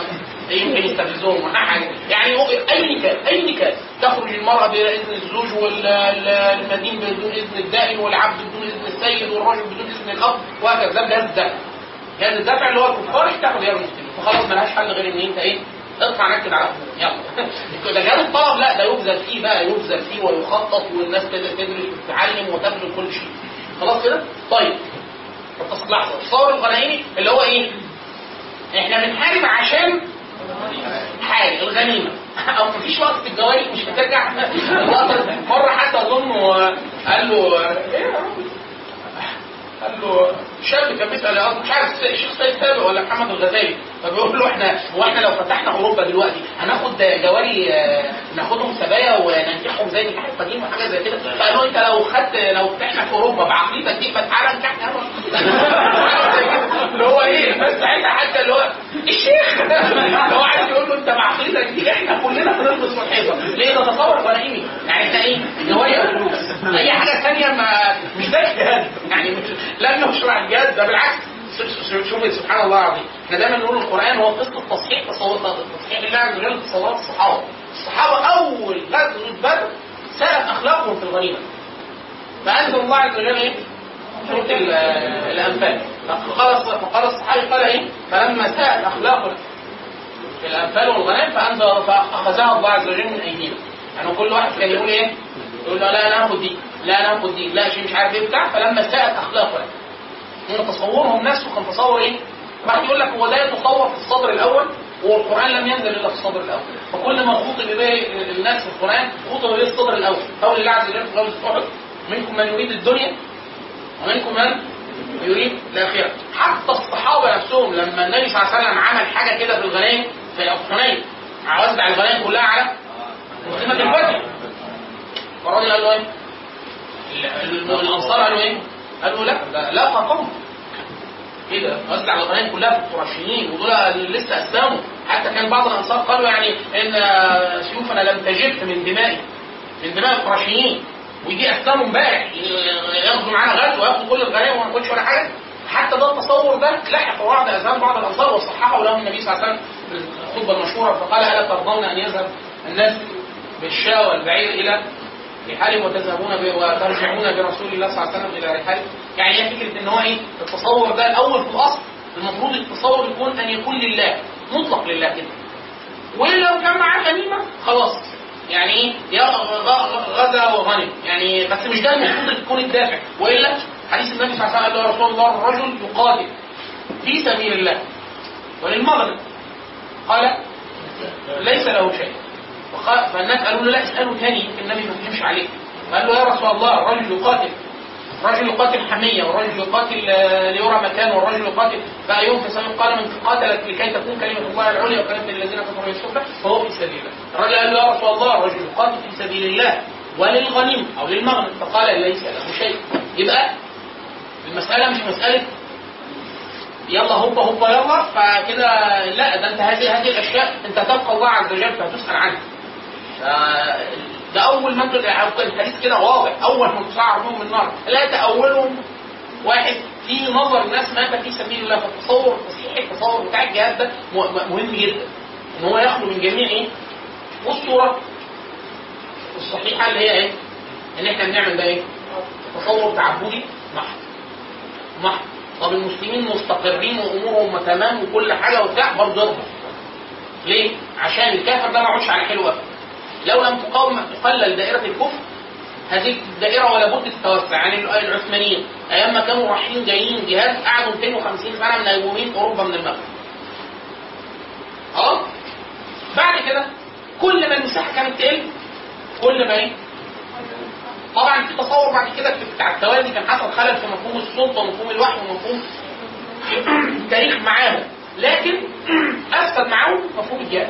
فهنا مفهوم الجهاد إما غنائم يعني استباهيه لو حد قرأ في تاريخ الدولة العثمانية تلاقي الجنود اللي هم السباهية اللي هم كانوا بيقوموا أصلا بالغزو وكذا تلاقي نفسهم بيقيدوا في في الدفاتر بتاعت السباهية القتال يعني عشان حاجة ثانية عشان يقطع عليهم أراضي.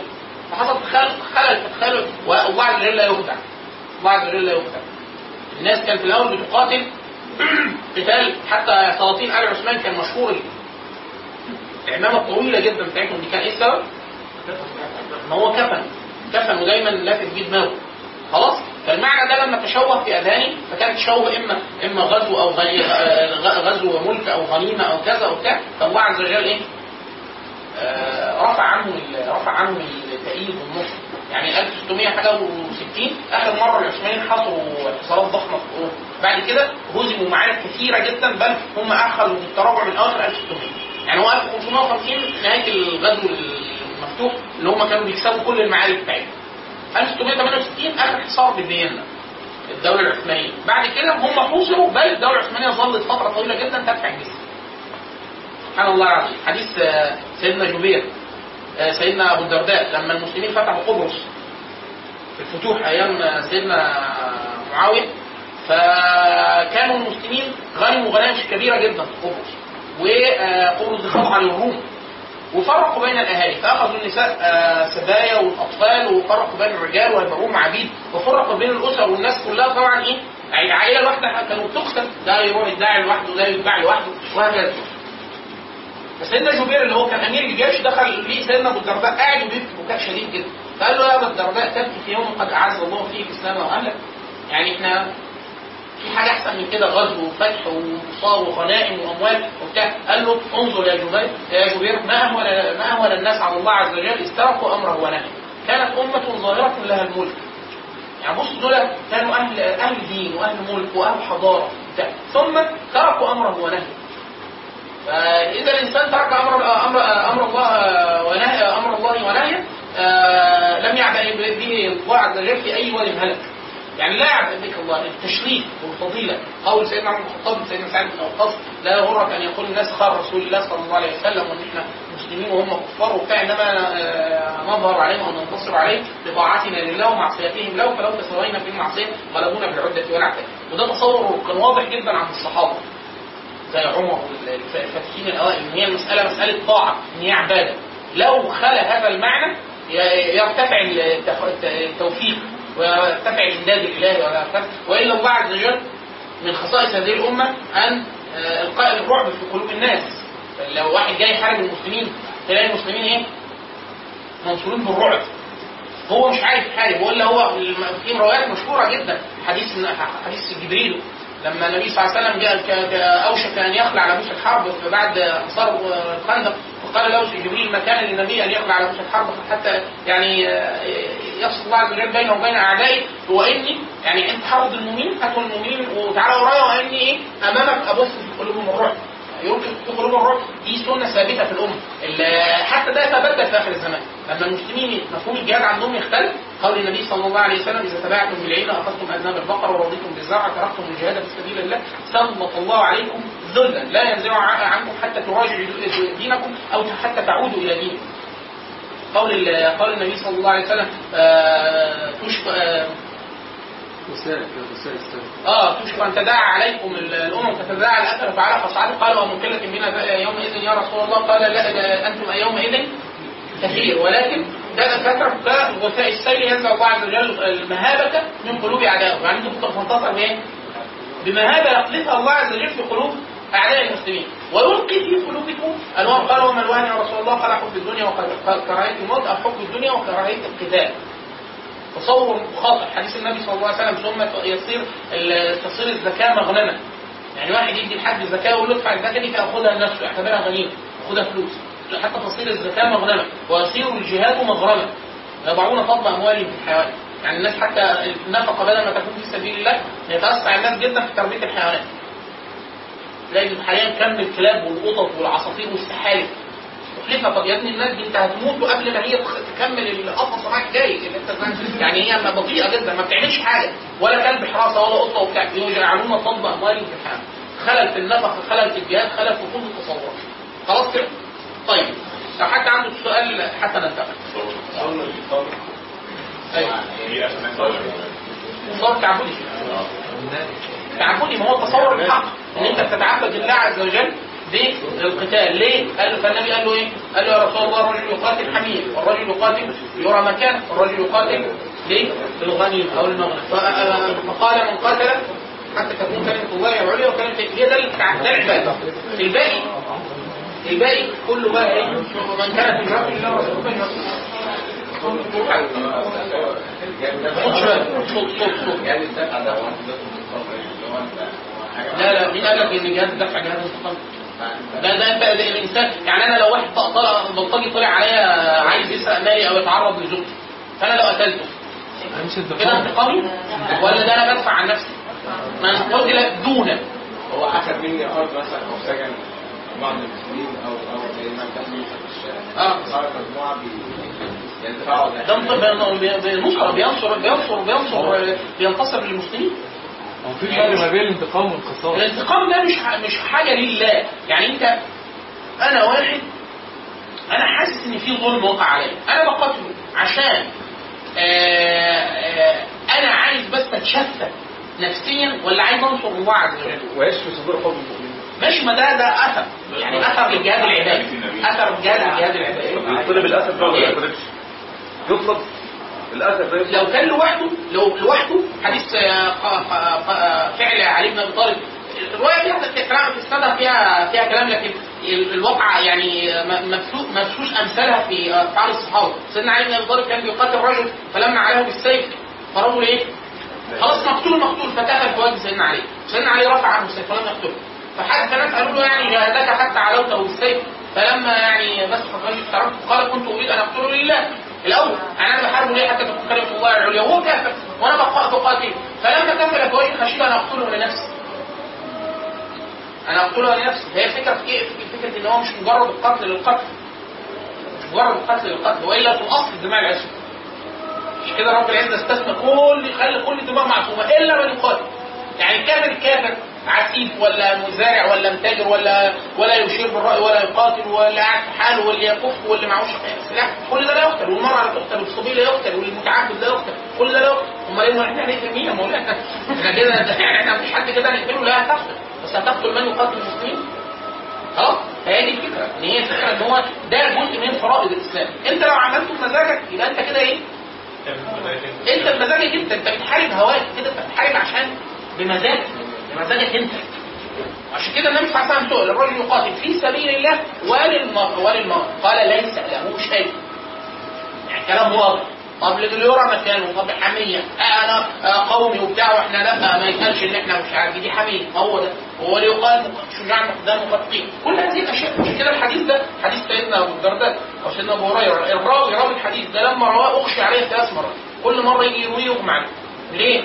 من ثقل هذا الحديث. والحديث ده يعني حديث ميزان. اللي هو إيه؟ كل الأعمال هو طبعا الثلاث أمثلة اللي ضربوا دول ثلاث أمثلة مثل الله عز وجل بهم للناس وإلا كل أفعال كل أفعال المكلفين تدخل تحت هذا الحديث. اللي هو يؤتى بالرجل فيقال فيما كنت. كل الناس هتتسال كده فأنت كنت بتعمل إيه؟ بقول له لا ده أنا عملت عمل خيري ورحت وجيت وبتاع مش عارف إيه. فيقال لي يقال كذا كذا. خذوه فالخذ هي دي هي دي أصلا مكات العاديين كان الناس كلها كانت تبكي الصحابه على الإخلاص. إن هو إن العمل إن لم يكن خالصا ضرب في وجهه وعوتب أو عذب عليه.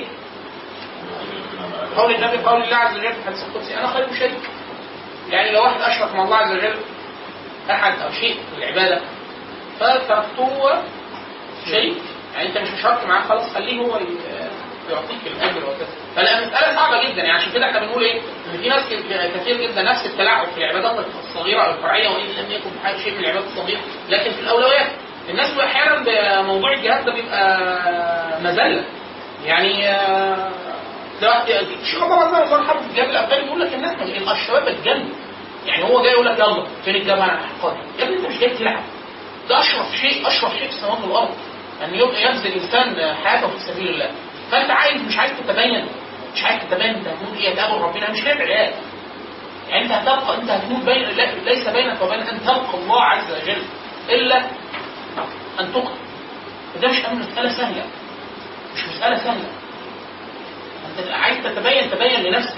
أو أنت ممكن يكون تكون مش قادر أو عايز كلام يسالك الله عز وجل بسبب عدم المقدره لكن لو ألقيت نفسك في هذه في, في, في, في, في هذا الأمر وجل سيسال يسالك طب أنت بذلت المجهود طب أنت الطاقة طب أنت النية طب هتسال عن هذا واول ما تدفع عرض ينظر يعني المسألة مش مش بسيطة ومش سهلة. تمام. قولي.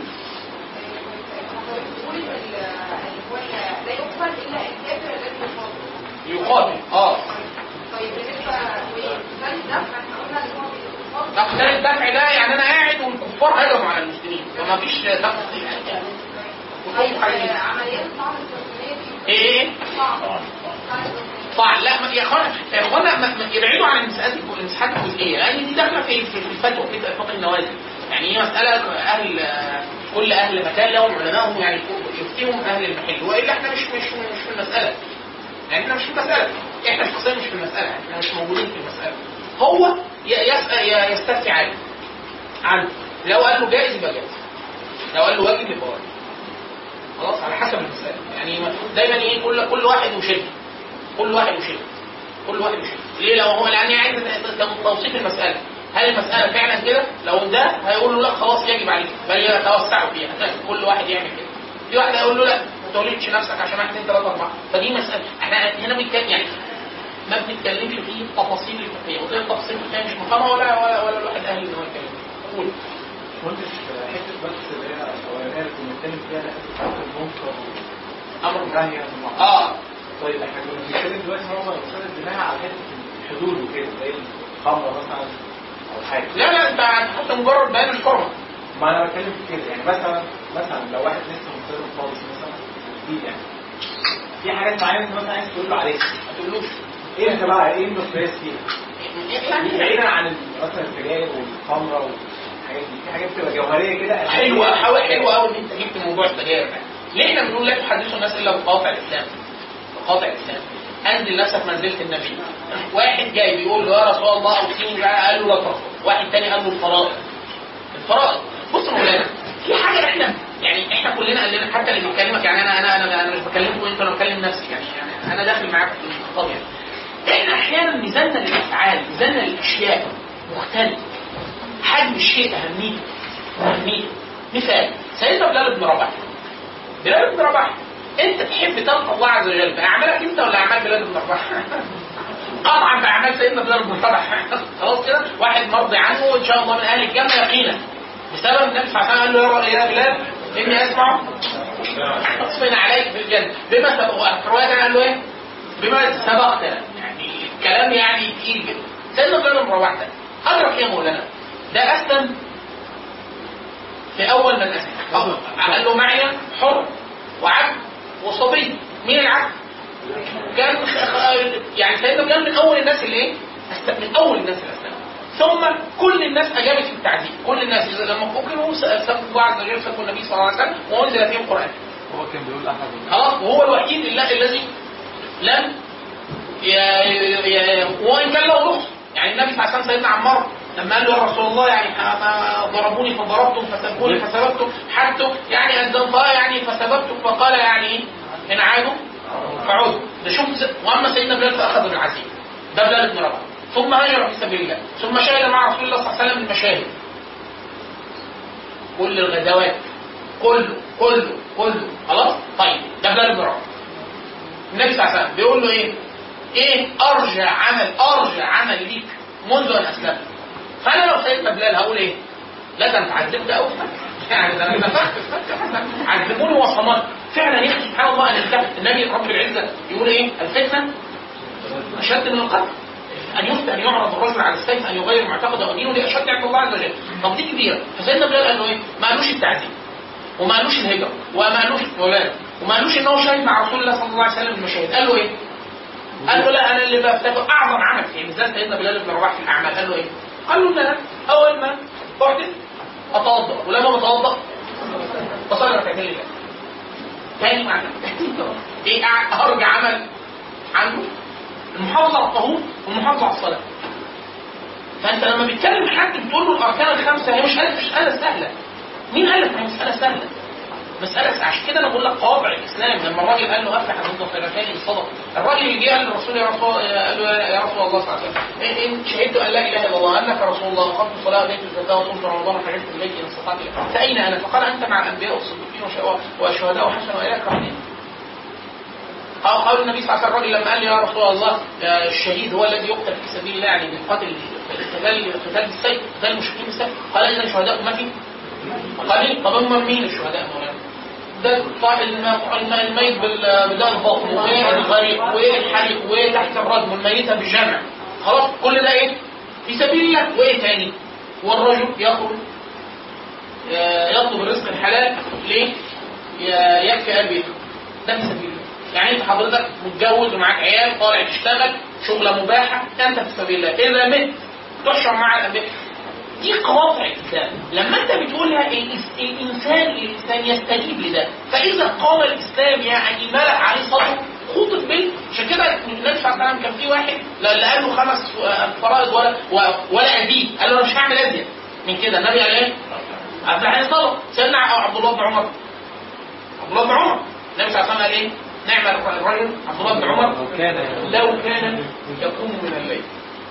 سيدنا علي بن أبي طالب السيده فاطمة السيده فاطمة عليه السلام آه، زوج بنت النبي صلى الله عليه وسلم سيدنا علي رضي الله عنه. النبي صلى الله عليه وسلم خبط عليهم بالليل. فتح له سيدنا علي. فشكلهم إيه؟ عارف لما تخش حد شكله نايم. فالنبي قال لهم إيه؟ الا تصلون طب ما أنت سايب الراجل قال لك أنا مش عايز أكتر من كده. النبي ما قالوش كلمة قال له أفتح الصدق لكن سيدنا علي والسيده فاطمة لا يتكلم يبقى فالنبي قال له إيه؟ تصلون يعني تقوموا الليل. يعني أنتوا سيدنا علي قال له والله نفوسنا بين يدي الرحمن أو بين يدي الله فيعني إن شاء أرسلها أرسلها.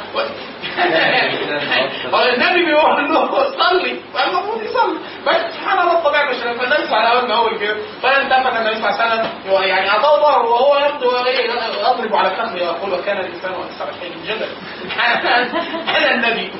وهو جوز بنتي. وبقول له وصلي وبتاع وبيقول له يعني نفوسنا بين يدي الله فإن شاء والنبي صلى الله عليه وسلم ده هو يعني ما يعني ما قالوش حاجة غير كان أكثر وكان الانسان أكثر الشاهد ان هي قواطع حسب كل شخص بالظبط عشان كده الراجل جه قال له يا رسول الله اخبرني عن شيخ الاسلام فقال له لا تغضب لا تغضب لا تغضب ثلاثة في أكثر من كده طب حاجات تانية لا الثاني قال له أنا الفرائض الخمسة. قال له الفرائض الخمسة. في ناس قال لهم لا الغنيمة. فأدوا الخمس من الغنيمة وبعض الأوعية نهاهم عن بعض الأوعية. ليه يكثر فيهم شرب الخمر ويكثر فيهم تعرض للناس وكذا؟ في وهكذا يعني قصدي إيه؟ مش كل واحد يت- يت- يت- يت- يتقال له نفس الخطاب. في واحد في واحد يكون أهل عزيمة وأهل علم وبتاع فأنت تقول له إيه؟ تقول له أخبار السلف السلف وقيام الليل وبتاع مش عارف إيه. في واحد لما يجي يلتزم ولا يسلم تقول له ده السلف كانوا بيعملوا لك والله يوم ما كانوا بيعملوا كده أصلا صلينا على النبي ما فيش ليه؟ واصلا لا عزمته أنت ده اللي تخاطب خطاب إيه؟ خطاب الرحمة وخطاب الناس داخلة في رحمة الله عز وجل بأقل القليل وبتاع ليه؟ لأن لو قلت له أكتر من كده مش هيعمل عشان كده النبي صلى الله عليه وسلم في الأذكار تلاقيه قايل إن ممكن بعد الصلاة تختم ب 33 33 33 آه، وتتم كلمات وفي أحاديث. 10 سبحان الله 10 الله أكبر 10 الحمد لله. في حديث حديث 25 25 25 إيه السبب؟ الفكرة ربنا يعني في كده وفي كده وفي كده ان هم العلماء كانوا بيقولوا كلما زيد في البسط زيد في التكاليف. فواحد لسه ما دخلش الإسلام ربنا لم يبسط له في العلم عن الله أو أو إزاي أقول له بقى التكاليف كلها؟ بتخاطبوا على ما يستطيع تحمله. وفي في العلم حتى في العلم. مش كل واحد بيتحمل كل شيء. ومش كل حاجة بتقال لاي أحد. يعني آه، هي المسألة هي جزء من مفهوم العام يعني أنت بتاخد الأمور إيه؟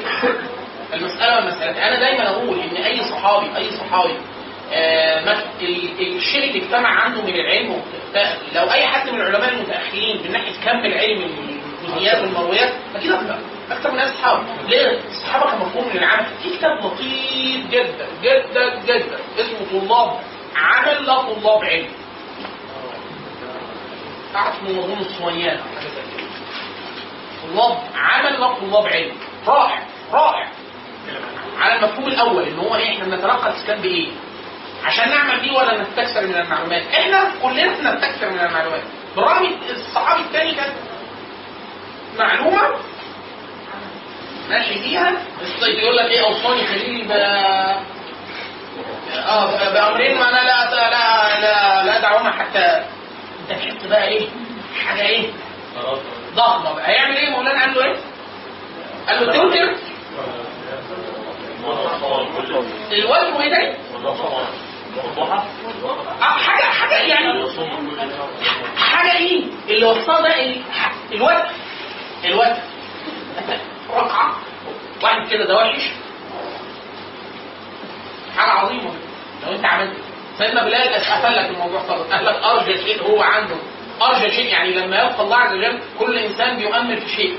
كل إنسان ولا بد لو سالته قلت له اسرح تخيل إيه الحاجة اللي أنت حسيت؟ لو لقيت الله عز وجل فسألك عليها تظن أن يرحمك. مات بيها الثلاثة اللي هم صد عليهم الغار فكل واحد قال لك إيه؟ توسل إلى الله عز وجل بأعمالكم الصالح فكل واحد قال الحاجة اللي يحس إن هي فسيدنا بلال بعد اللي شافه كله ده ما قالش بدر مثلا. ما قالش التعذيب. بقى قال أنا والله ملتزم بالوضوء- الحديث بتاعي يخرج عليكم رجل من أهل الجنة. الروايه قال له إيه؟ قال أنا كنت أحتقر عمله اللي هو إيه؟ لا قيام ليل وما بين مش شايف مين يعني معايا ولا حاجة فالراجل قال له هو معلش أنت بتعمل إيه؟ أنا ما بعملش غير اللي أنت شايفه طب طب خصاله قال له إيه؟ قال له أنا اريد وأنا صبري ليس فيه غير أحد من غيري إن صبر صافي ده فقال له إيه؟ قال له وتلك التي لا نطيق دي اللي صعب تعملها يعني بقول لك إيه؟ تقول المسلم لا تحمل له ضغينه والله إزاي دي؟ ده عمل قلبي عمل قلبي صعب جدا. الصلوات وبتاع كثير جدا من نصوص السلف بالذات التابعين يقول لك الصلاة وقيام الليل يقدر عليه البر والفجر إيه ده؟ والله أنتوا كبار عندكم يقوموا الليل آه يقول لك يقدر عليه البر. أمال إيه الصعب؟ الصعب ان انت تكف عن محارم الله؟ ده أصعب. يعني واحد يقول لك أقوم الليل ولا تكف عن محارم الله؟ لا تكف عن محارم الله. احسن كف عن محارم الله. افضل كده النبي صلى الله عليه وسلم يقول إيه؟ إذا نهيتكم عن شيء فاجتنبوه. وما أمرتكم وما أمرتكم بشيء. لا تريد منه ما استطعتم. يعني بالطاعة اللي تقدر. فالنهي لا ينتهي وما تعملش طاعه تعملش. لو دي مخيرة والا يعني لا لا لا لا, لا سبحانك اللهم وبحمدك اشهد أن لا إله إلا أنت أستغفرك وأتوب إليك.